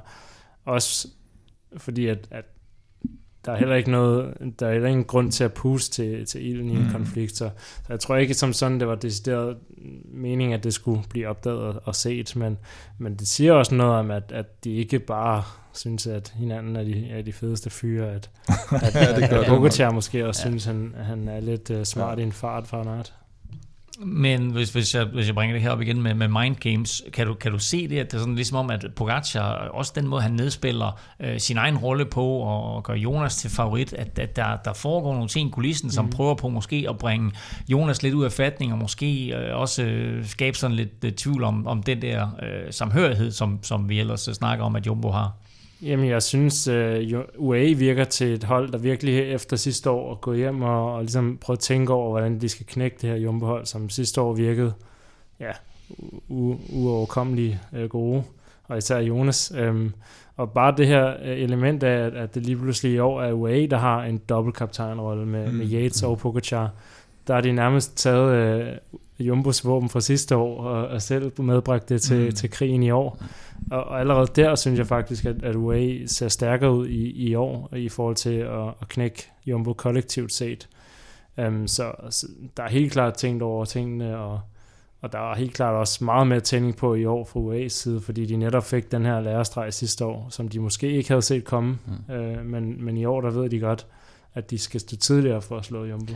Jeg synes også, jeg synes også de gør det, altså desværre, kan man sige, øh, øh, på, på, for danske brillen i hvert fald har UAE gjort det rigtig godt, fordi at ja. de går ind og rokker båden for sindssygt på, mm. øh, på Jumbo, som skal køre så snor lige efter en plan, og der er for mange ambitioner øh, et eller andet sted, altså til at det bliver rigtig, rigtig, det er en rigtig, rigtig svær opgave, at Wout van Aert skal have meget succes, Jonas skal have meget succes, altså sådan holdet skal have meget succes, så det er en meget svær opgave, de har sat sig selv for. Så det der med, at UAE går ind og sådan prikker til dem, altså de angriber dem, de, mm. og man kan sige, Pogacar han er jo kommer med den der håndskade, så det, der er ingen, der vil undre sig, hvis han ikke var stærkere end, end Jonas Vingegaard, så har de co-kaptajn med og så videre, ikke? Men, men de kommer ud som dem, der er kommet for at lege på en eller anden måde, ikke? Og, og mm. køre lidt mere bekymringsfrit, hvor at, jeg tror, Jumbo er et hold, som altså de kan nemmere krakalere end, end UAE, fordi at de har så høje ambitioner, og de har så meget planlagt, at hvis UAE bare går ind og ryster båden lidt øh, nogle gange, så tror, jeg, at de, så tror jeg, at de har en chance for at vinde, eller få nogle flere chancer, og at der kommer noget splittelse internt. Øhm, det synes jeg jo godt, man kan se nu, at sådan allerede nu, så kan man se, at UAE har altså startet noget, som gør, at, at Jumbo allerede internt begynder at blive spurgt til nogle konflikter, øh, og man, man ser lidt Wout van Aert som, du ved, ja, men han er sgu også lidt en baby, altså, og hvad så, så vandt han ikke den etape, så skal han tage sig som en, uh, som en baby, ikke? Altså, ja. Så allerede nu er det, har vi fået lidt den der, at Jumbo er måske lidt irriterende, ikke? Eller sådan, du ved. Ja, jeg tror også UA, eller sådan som Pogacar måske kan anse det for lidt arrogant, at, ja. at, at Jumbo skal have en fanart, som kører sit eget show, men stadig også være de bedste i klassementet, hvor ja. at, at du ser, UA er rimelig, altså de er alle sammen på den samme bane. Mm. Og Yates selv, nærmest øh, fem minutter efter han har vundet, gentager øh, utallige gange i interviewet, at han er her for at hjælpe Pogacar. Han er ja, har kørt lead out for ham på, ja, på ja. bonussekunderne op de på dage, og, ja. og sådan, så der er slet ikke nogen tvivl, der er ikke, der er ikke noget slinger i valsen omkring ja. på UA, hvad de er der for. Præcis. Og, og der, det er der jo lidt på Jumbo, det må vi bare indrømme, mm, at, at når du har en mand som Van Aert, det, det er svært også at skulle ja, der kører to, der kører to etaper, og, øh, eller kører tre nu, øh, ja. men altså de to, øh, som, som, øh, hvor, hvor vi fik den her situation, og der opstod lidt ballade på, på Jumbo. Øh, Stefan, du var inde på det tidligere. Øh, Jumbo virkede super sammentømret sidste år, et homogen mandskab, som besejrer Pogacar. Er der kommet en lille bitte smule tvivl om, at det er det samme homogene mandskab, vi ser fra Jumbo i år? Puha, altså jeg synes, at opbakningen til Jonas er en lille smule større øh, i år. Altså man kan sige, Roglic er der ikke. Øh, Wout van Aert har ligesom sagt, at den grønne trøje er ikke noget, han vil have, fordi at han måske ikke skal færdiggøre turen jo. Øhm, på grund af, at han skal, han skal have et barn. Ikke? Mm. Øh, så, så kan man sige, det burde være en lille smule bedre, men jeg synes bare, at UA har gjort et ufatteligt godt stykke arbejde i forhold til netop at sætte øh, highlight på det, der er deres store problem.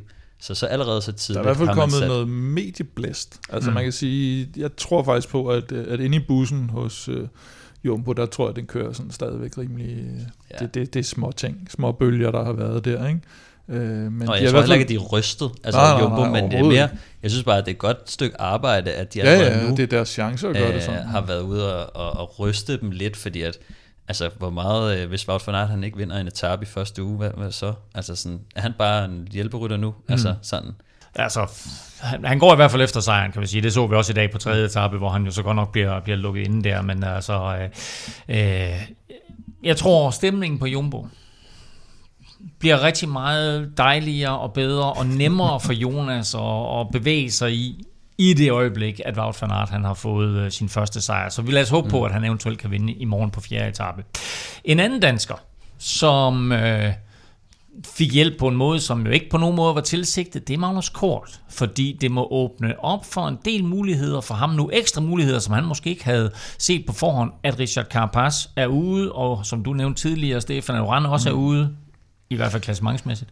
øhm, men altså, Kasper, det må du altså, i det øjeblik, så noget af det sker, så sætter Kort sig vel ned, og så genkigger han lige i løbsbogen, og så siger han, nå, der var der nogle ekstra etaper, jeg måske kunne blande mig i.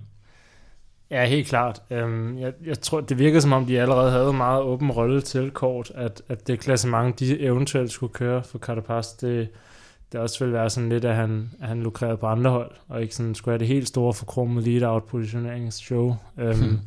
Så, så allerede har, Kort har allerede været meget fokuseret på sine egne chancer, tror jeg. Men, men nu, nu ligger den jo nærmest helt øh, til højre ben, at han har, fuldstændig fri rolle. Ja, hvor før kan man sige, der har han jo nok, han har nok sat kryds ved den der, var det 12. etape, ikke? Mm. Ja. Øh, men, men han sagde jo også, at, at han vidste ikke helt, hvor meget frit spil, han ville få på, netop på grund af, af Carapaz. Han nedså i hvert fald sin egen mulighed ja. ved at sige, at han, at han nu kan han jo, nu kan han jo fuldstændig Præcis. bare selv uh, vælge frit. Han kan, mm. gå, han kan gå i udbrud på nogle af bjergetapperne. Det har vi jo set ham gøre ja. før. Ikke? Uh, hvis, Nå, men han gik, han gik i udbrud allerede på anden etape, ikke? Uh, ja. så efter Den Carapaz. tror jeg, han havde udset sig inden. Ja. Det talte de også om på holdet, og da jeg talte med ham, sagde han jo også, jeg sagde, hvad med Baskerlandet? Og så siger han, første etape ser lidt svær ud. Og så, så lå det ligesom i korten, at uh, så, så var anden nok uh, til at have med at gøre. Ikke? Uh, men, men jeg har jo bare set ham, at hvis han er i form, så, og det tyder noget på, når, uh, når, han, når han er der og kører med det der Mads P., uh, hvad hedder det, øh, hvem var den sidste? Askren. Askren øh, udbrud der, at, øh, at når han er i det der humør, så hvis, og, og mange har jo allerede store tidstab, det vil sige, hvis der lige pludselig er et udbud, der får snor, og, og der er lidt hårde bjerge, så kan han jo godt sidde med nogle af de der lidt, lidt bedre rytter der. Det har vi set før, i hvert fald. Øh, fra kort til en rekord. Fordi, ja. øh, Kim, du nævnte det i vores optagsudsendelse, ja, at der var noget med, at øh, Pogacar, han faktisk var ved at nappe rekorden for flest dage i den hvide ungdomstrøje. Ja, han var jo kun en enkelt fra, fra Jan Ulriks rekord på, på 55 trøjer, så øh, efter i dag, så har han jo så øh, 56 øh, hvide trøjer, og har haft den siden 13. etape i 2020. Og øh, han kan faktisk som den første nogensinde vinde den fire gange. Det er jo Jan Ulrik og... Hvem ellers? Quiz her, Kasper? Puha. Udover Jan Ulrik, hvem har haft den øh, tre gange, den øh, hvide ungdomstrøje? Vundet den tre gange? Ja. Andy Slæk. Sådan. Andy Slæk. Andy Slæk. Ej, hvor er han skarpt over. Det, er, det er ikke engang den officielle quiz. Ej, nej, nej, nej. Jeg får du sgu et ekstra point for. Det er vanvittigt. det er vanvittigt, det der. Så øh, jamen, det, øh, det, det, det, det er vildt nok. Også det der med, altså, siden 13. etape 2020, der er han bare... Ja. Der er ingen andre, der er ingen andre, der har haft en hvid trøje siden 13. Ja. etape i 2020. Ja, det er fuldstændig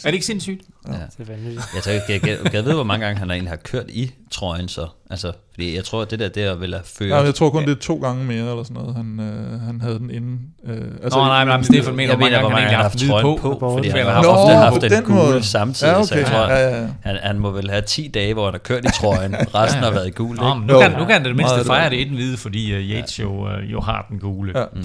Og uh, nu skal vi til noget, som uh, jeg ser meget frem til. Vil Europa Podcast præsenteres i samarbejde med Odset fra Danske Licensspil. Husk, at du skal være minimum 18 år og spille med omtanke. Har du brug for hjælp til spilafhængighed, så kontakt Spillemyndighedens hjælpelinje Stop Spillet eller udluk dig via Rufus. Regler og vilkår gælder. Nu skal vi øh, lige om lidt øh, have fat i dagens spiltips, og så kigger vi nærmere på de næste tre etaper, blandt andet 5. og 6. etape, hvor turen kan få sine første sådan rigtig store klassementslag. Men øh, først, som lovet, altså lige stillingen her, efter at der er kørt tre etaper, og det er altså fortsat med dobbelt Yates i top 3, Adam 1, Simon 3 og så altså Tadej Pogacar på anden plads. Jonas Vingegaard er 6, og han er 17 sekunder efter Yates, og øh, 9 sekunder, 11 sekunder efter øh, Pogacar.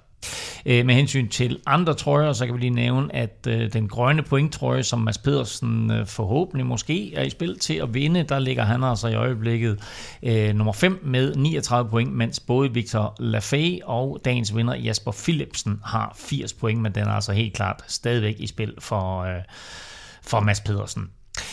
Med hensyn til øh, etaper, øh, så lad os prøve at kigge frem mod tre meget interessante dage. Øh, tirsdagens fjerde etape måske knap så meget, men øh, den slutter da lidt sjovt, fordi den slutter på en racerbane. Circuit de Nogaro. Og øh, det bliver en spurt. Det kan der ikke være nogen tvivl om.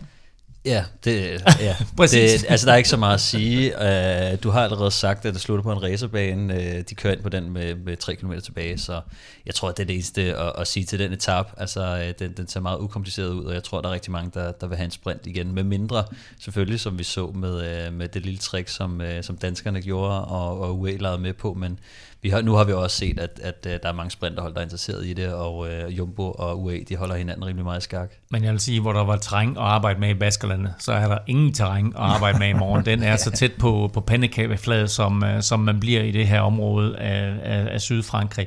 Uh, Kasper, når nu man, man, man som hold vil forsøge, eller gerne vil have noget ender i en masse spurt, hvad gør man så? Jamen, først og fremmest så starter det jo helt i starten med, at man skal være repræsenteret ret mange rytter i fronten, for ligesom at signalere, at man ikke vil lade et større udbrud køre sted. Og det vil vi også se i morgen, øh, at, at de, de, de relativt mange sprinterhold, der er med, de vil sidde klar til at, at kun at lukke øh, en gruppe af sted, som de vil acceptere. Um, og så, ja, tit og ofte, så kan alle de udbrudshold, der er, godt se, hvad skriften på væggen er, og så bliver det forhåbentlig ikke, ligesom i dag, bare med to mand, men, øh, men ja, en fire, fire, fem mand, som øh, egentlig bare er der for, for tv-tiden. Phil Bauhaus støvsugede det, der var af bjergpoint i dag, og beholder den prikket Ah, bjerg. det håber jeg ikke. Nej, ikke Phil Bauhaus. Hvad hedder han? Øh, Nelson Paulus. Nelson Paulus. Phil Bauhaus, Nelson Paulus, tæt på.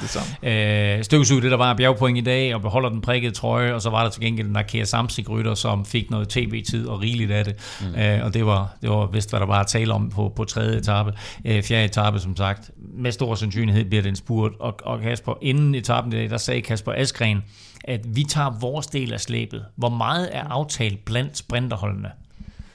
Meget af det ligger sådan lidt, øh, hvad kan man sige, øh, underbevidst. Um, også alt efter, hvordan uh, det er gået på de forgængelige etapper. Nu har der ikke været så meget at arbejde ud fra i dag, men i morgen så vil der være rigtig mange, der kigger til Alpecin. Mm. At de nok skal tage i hvert fald 50% af slæbet måske.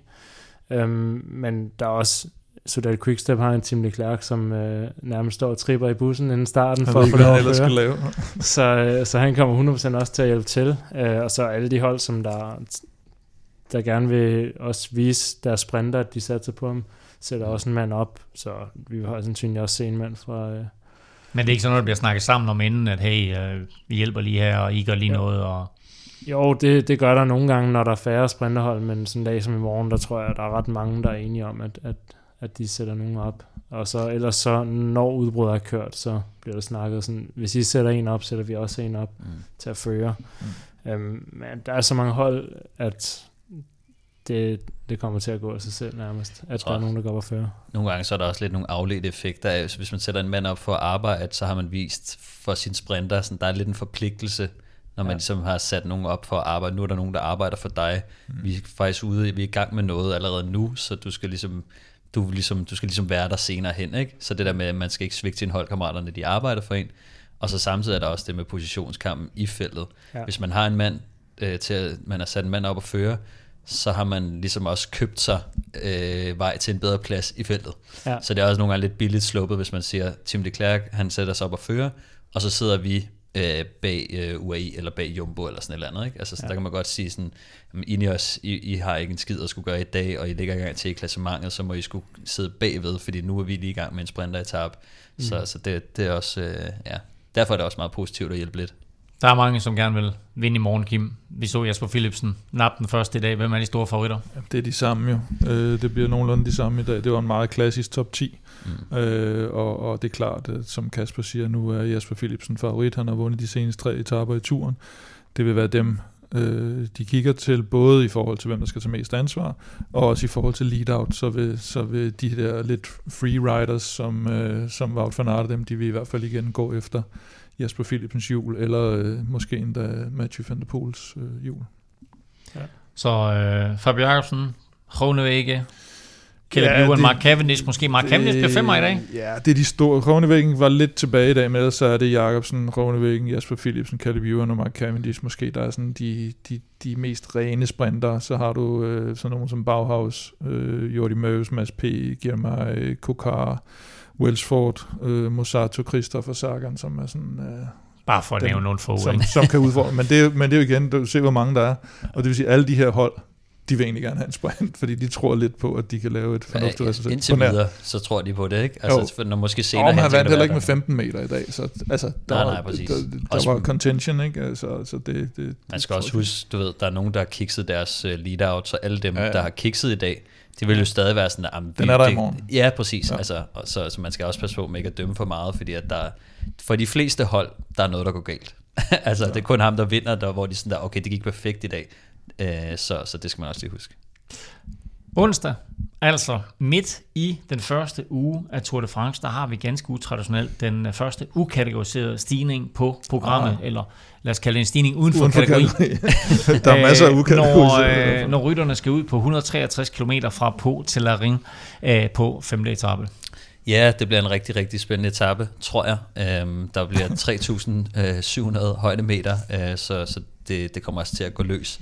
Øhm, de har kørt den her etape, altså præcis den her etape i, øh, i 2020, hvor Pogacar han vandt foran Roglic. Øh, så det, siger og det er også, vel den etape, hvor Pogacar han får lov til at køre, og man tænker, Nå, okay, han er ude af klassementet og så videre. Og så er det, han napper cirka et minut eller sådan noget. Er det ikke den, nej, hvor han ligesom kommer ikke, Er det ikke den? Nej, det er ikke den. Øh, den her, øh, da de kørte den sidst, der var Mark Hirschi faktisk i, i udbrud, som var ved at holde hjem. Øh, og de, øh, det er den etape, hvor, at, kan I huske der, hvor at øh, Pogacar han er ved at blive klippet af Roglic i en bjergspurt. Nå, øh, nå okay. Han er, ved at, han er ved at blive væltet af Roglic, øh, fordi han kigger sig tilbage, og sådan, du ved, der var sådan lidt... Nå, hvis, hvis du ser det, så kan du helt sikkert huske det. Øhm, men det er bare for at sige, at de skal over øh, to rigtig store bjerge, den første uden for kategori, som hedder øh, Col de Sodé, som er 15 km lang med 7% i snit, så øh, det, er en, øh, det er en rigtig, rigtig øh, hård stigning, men, øh, men så kommer de også til den næste stigning, øh, som hedder, øh, den hedder Col de Marie Blanc, og øh, den er faktisk ikke så slem i starten, men øh, med de sidste, øh, kan man sige, de sidste 4 km stiger med over 10% i, i snit. Øh, så det er en stigning, der, der trækker tænder ud. Og som jeg, som jeg også siger, sidst der kom de fire mand hen over toppen. Øh, det var Roglic, Pogacar, Banal og Michael Lander. Øh, og de endte også med at komme hjem og køre. De endte med at hente Hirschi øh, til sidst, og så var det de fem, der kom til stregen sammen. Så jeg tror, det bliver en, eller det bliver en klassementsdag, øh, og det bliver sådan en etape, hvor måske kan det godt være, at de kommer flere mand til stregen, øh, men det bliver sådan en, hvor at bjergrytterne kommer, kommer hjem og, og kører om det fra en lille gruppe, formentlig. Altså, og slutter så efter en nedkørsel, så der kommer noget, noget spurt der, øh, og der tænker jeg, at er det noget, hvor vi ser øh, Pogacar igen gå efter bonussekunder, Kim? Det tror jeg aldrig, man skal udelukke, men jeg tror egentlig ikke, den bliver så meget klassementskamp i den her, og, og kunne måske også godt forestille mig, der kunne få lov at køre et, et, et udbrud sted, sådan som netop, at, at der er så mange, der har, har mistet tid. Øh, men hvis det er, der skal kæmpes mellem Jonas og, og Pogacar, så bliver det bonussekunderne på den her. Jeg tror ikke, øh, der er ikke nogen, der laver, der laver de store forskelle i klassementet på den etape. Også fordi det slutter med en nedkørsel. Yes. Men dagen efter, altså som om onsdag ikke var vild nok, så kan torsdagens 6. etape gå hen og blive endnu vildere. Den er på blot 145 km, øh, men til gengæld øh, tre hårde stigninger, og vel at mærke den første bjergafslutning. Øhm, ja, altså øh, de skal over, øh, som du siger, kort etape, 4.000 højdemeter, og de er placeret sådan rimelig godt omkring øh, Col d'Espagne og Tourmalet, som de skal over øh, midtvejs på etappen. Øhm, så altså jo en super hård dag, men øh, den sidste stigning, som hedder, jeg, jeg undskyld mit franske her, men øh, Cotaré Cambasque, tror jeg den hedder, øhm, er en 16 km lang stigning, men altså den tager først fat de sidste 5 km, så det er sådan en, når man kommer ned fra Tourmalet, så er der faktisk et, et dalstykke på omkring 10 km, og så en blød start på, på, det sidste, på det sidste bjerg, så det er en hård dag, øh, men måske ikke en dag, der er oplagt til sådan angreb langt udefra og store tidsforskelle, men kan man sige, det sidste 5 km, øh, der er det nok uundgåeligt, at der kommer til at blive gjort noget skade, øh, og måske kan det være kan man sige, første gang, at vi for alvor ser øh, topfavoritterne øh, i, i sådan direkte kamp, og, og kan man sige, øh, fuld, fuld kan man sige, fuldt angreb mod hinanden. Ikke? Får vi den første Manu og Manu dyst her, Kim, mellem Vingegaard og Pogacar? Ja, jeg tror, man får øh, sandsynligvis sådan en to løb i løb. Altså med mindre det går ligesom øh, Kasper Ankergaard, han øh, forudsag, eller forsøgte at lægge lidt op til i den store tur optakt. Øh, der, der mener han jo, at Jumbo skulle sætte øh, nogle folk ud på Tourmalet og og fordi Jonas godt kunne knække Pogacar allerede der, på grund af højderne, og så skulle han have nogle folk, der kunne køre mere. Men det er en, det er en større mission, og jeg ved ikke, om de er villige til at lave så stor en mission så tidligt i løbet. Øh, men, men man kunne sagtens forestille sig den her to løb i løbet, udbrud, og så en klassementskamp nede bagved. Igen, så tror jeg ikke, at den sidste stigning er så hård, at øh, Jonas og Pogacar kan lave forskel på hinanden men der vil nok være nogle andre klassementsfolk, som måske ryger lidt ud af, af bagdøren. Altså ja. udskilning bagfra, vil jeg Præcis. sige, på den sidste. Ikke? Og at, at det er samme grund, som jeg siger, at på grund af, at en lang nedkørsel for Tourmalet, et dalstykke og en blid start på det sidste bjerg, at det bliver ikke sådan, at Pogacar kører henover, eller Jonas kører hen over toppen af, af Tourmalet og kører solo derfra. Ikke med mindre, han men, har fået sat Pogacar med et par minutter og har to holdkammerater stående på toppen, så er det klart. Men, ja. som, øh, som Kasper han sagde i vores rutegennemgang, at hvis man nu har en Wout van Aert, der kommer hen over Tourmalet, og Jonas han kan tage 30 sekunder på Tourmalet mm. til Pogacar, så vil det være guld værd at have, lad os sige, Laporte og Wout van Aert til at føre på nedkørselen, dalstykket, starten af, det sidste bjerg, så altså der er muligheder, hvis man kommer i problemer på Tourmalet, og man ikke har et stærkt hold omkring sig, så kommer det til at, at, at se skidt ud. Ikke? Men, men, men det kan også være svært, hvis, øh, hvis man er rimelig godt kørende på den dag. Øh, så altså, hvis man ikke har en off-day, så, så burde det ikke være de store forskelle, øh, tænker jeg i hvert fald. Et af dine spiltips i sidste uge, det var, at øh, Ineos ikke vinder en etape i årets Tour de France. Jeg forudser, at Tom Pitcock går fuldstændig vanvittig amok på den nedkørsel fra Tourmalet. Og øh, kommer han skal lige med op, op over Tourmalet også. Jo. Ja, det skal han. Det skal Eller i udbrud. Men uh, lad os nu se. Det, det kunne også godt være. Hvis du vil høre en samlet gennemgang af alle turetaper og øh, en lidt dybere, øh, et lidt dybere indblik i både 5. og 6. etape, så gør dig selv den tjeneste at lytte til vores øh, turrute special med en anden Kasper, nemlig nemlig Kasper Ankergaard, som Kim lige nævnte. Vi optog den altså øh, halvanden uge før øh, Tour de France start, og han forudså jo altså blandt andet, at den her 6. etape på torsdag kan gå hen og blive ganske afgørende for Tour de France. Gennem de her tre uger, hvor Tour de France kører, i Spanien og nu i Frankrig, ja, der er Otse for Danske Spil med os som partner, og du kan på Otse.dk se alle vores Europa Specials. Der ligger flere i forvejen, og her kommer tre nye, og vi, jeg skal lige sige med det samme, at øh, vi håber på at nå at få oddsene fra Danske Spil, øh, inden udsendelsen er slut, men lige nu der har vi ikke de endelige odds. Vi har til gengæld de tre spiltips, og øh, vi lægger ud med Velropas vinder, Kim. Ja, men vi synes vi skulle lave lidt en hyldest til vores øh, måneds t-shirt, øh, Puy de Jonas. Øh, så øh, det er faktisk, at Jonas Vingegaard, han vinder på Puy de Dome på søndag. Og Stefans staldtip. Ja, jeg, har, altså jeg tænker, vi har rigtig mange uh, danskere, der, der er i spil til, til mange etapper, og øh, staldtippet det bliver, øh, at vi får en dansk etappesejr inden første hvildag. Og der er jo faktisk ni etapper inden første hvildag. Um, der er kørt, der er kørt tre. Tre af dem er kørt. Tre af dem er kørt. men øh, ja, kan man sige, øh, der er, Så, ja, efter ja. ni etapper er første hvildag. Jo, men, men altså prøv at øh, 6. etape, øh, som vi lige gennemgik, er jo slet ikke muligt. Jonas vinder der. Fjerde etape, der er Mads P. spillet 7. og 8. etape, der er både Mads P. og Kort og alle mulige andre i spillet. Tænker, vi har lige konstateret, at uh, Jonas vinder 9. i hvert fald, så, så, så, så den er, hjemme. Den er hjemme allerede der. Eller ikke allerede, men... Det er nok et lavere odds, det er nok et lavere odds end det i hvert fald. Ja, ja. Og så skal vi have Plæsters podie. Ja, men det er jo lidt kontroversielt jo. Du tror nemlig ikke så meget på den. Det gør jeg. Øh, den er ret sikker, så jeg tror ikke, vi får så højt odds på den. Øh, Simon Yates er stadig top 3 samlet efter 6. etape. Jamen, øh, som sagt, vi håber stadigvæk på at nå at odds, inden vi slutter udsendelsen af her, men... Øh, du altså, tror ikke så meget på den? Nej, det der, det kommer til at give kæmpe odds. Det bliver odds 100, det der, fordi den, den er helt usandsynlig. Ah, men, øh, nå. Er god i starten af en Godt. tur. Fjerde etape køres i morgen. Jasper Philipsen har lige bevist, at han var mega hurtig i dag, men øh, der er en ny chance for alle sprinterne i morgen, og så endda på en racerbane. Hvem vinder fjerde etape? Ja, altså, nu har vi jo set første spurt. Jeg havde skrevet øh, Kronevæggen, Så det mener inden jeg så spurten i dag. Øh, men den, den vælger jeg faktisk at- at stå på. Siger Sådan. Dylan Kronevæggen. Ah, det er frist. Kim, Hvor fanart. spændende Altså, bud. hvis han var indebrændt i går, så... øh, Kasper, så er du siger selvfølgelig. Fabio Jacobsen, og, Ja, hvis, ja. og hvis du ikke må sige Fabio, hvem så? Ej, jeg ville faktisk sige Fabio, fordi at jeg tror virkelig på, at han er hurtig, og, og at i dag ligesom måske kan gøre ham lidt skarpere. Så jeg, det du siger er, at jeg skal skifte ham ind på mit uh, managerhold. Ja, det synes jeg. Ja, okay.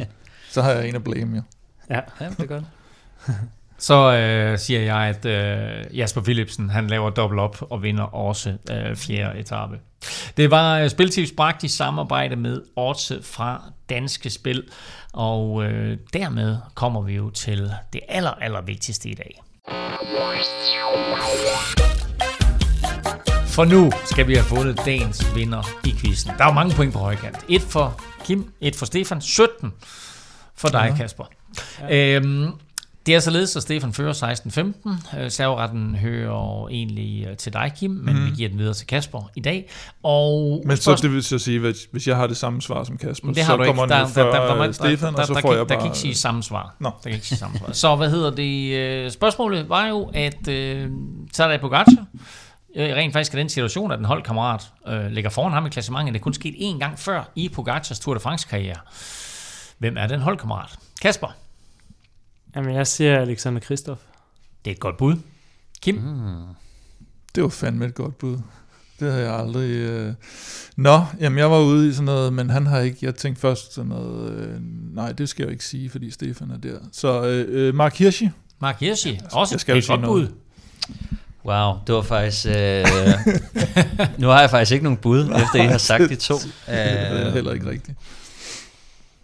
Puha. Ja, jeg ved det faktisk ikke. Det ved jeg faktisk ikke. Det må være en af de to alligevel jo. Skyd. Sig en. Jamen nu, nu, skal jeg, nu Ej, kan jeg ikke komme i tanke helvede. om nogen jo. Mit er jo latterligt svar. Ja, ja, men det kan vi komme tilbage til. Ja, det havde jeg Hirschi, glemt, han jo. kørt for Sunweb. Nej, men også fordi, at han er ikke med i turen for helvede. Nå, nu? Nej. Han er ikke med. Han med i være med i turen turen, jo. Åh, oh, for helvede. Jeg vil Ja, godt lave øh, mit om. Jeg kan ikke komme i tanke om en lige nu, Jamen, så tager jeg faktisk. mit- ja, så laver jeg mit blive om en, øh. Det må Til. blive en blank. Så siger jeg Rafael Majka. Han er i hvert fald med. Maika, ja. Det kan du jo ikke sige. Jo, det kan jeg sagtens. Så du får to gæt. Nej, nej, det er jo lige meget. Ja, okay. Jamen, jeg har ikke noget... Øh, jeg, Nej. jeg kan sgu ikke komme på noget. Altså, det, det tog mig skulle lige øh, med, med surprise. Nå, hvis jeg siger Max Soler, hvad siger I så? For de holdkammerater De dengang. var ikke holdkammerater Nå, dengang. så lad mig spørge dig, Kasper. Hvorfor skulle det være Alexander Kristoff? Jamen, altså, i 2020 kørte jeg selv øh, turstarten i øh, Nice, hvor at, øh, vi kører spurt til sidst, og Christoph vinder. og jeg husker anden etape, hvor jeg bliver sat ja. sammen med ham, hvor jeg sidder på hjul af en guld trøje, der bliver sat. Og der er et stort fedt UAE på bag på ryggen af ham.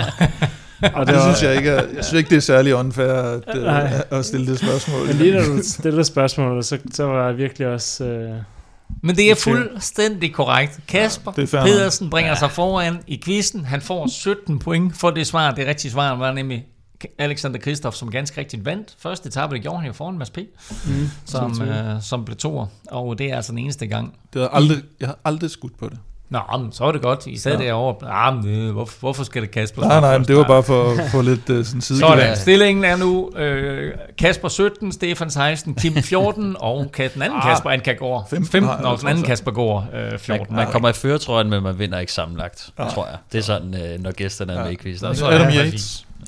Vi er, vi er tilbage efter torsdagens vilde etape, hvor vi altså kigger tilbage på øh, de her 4., 5. og øh, 6. etape.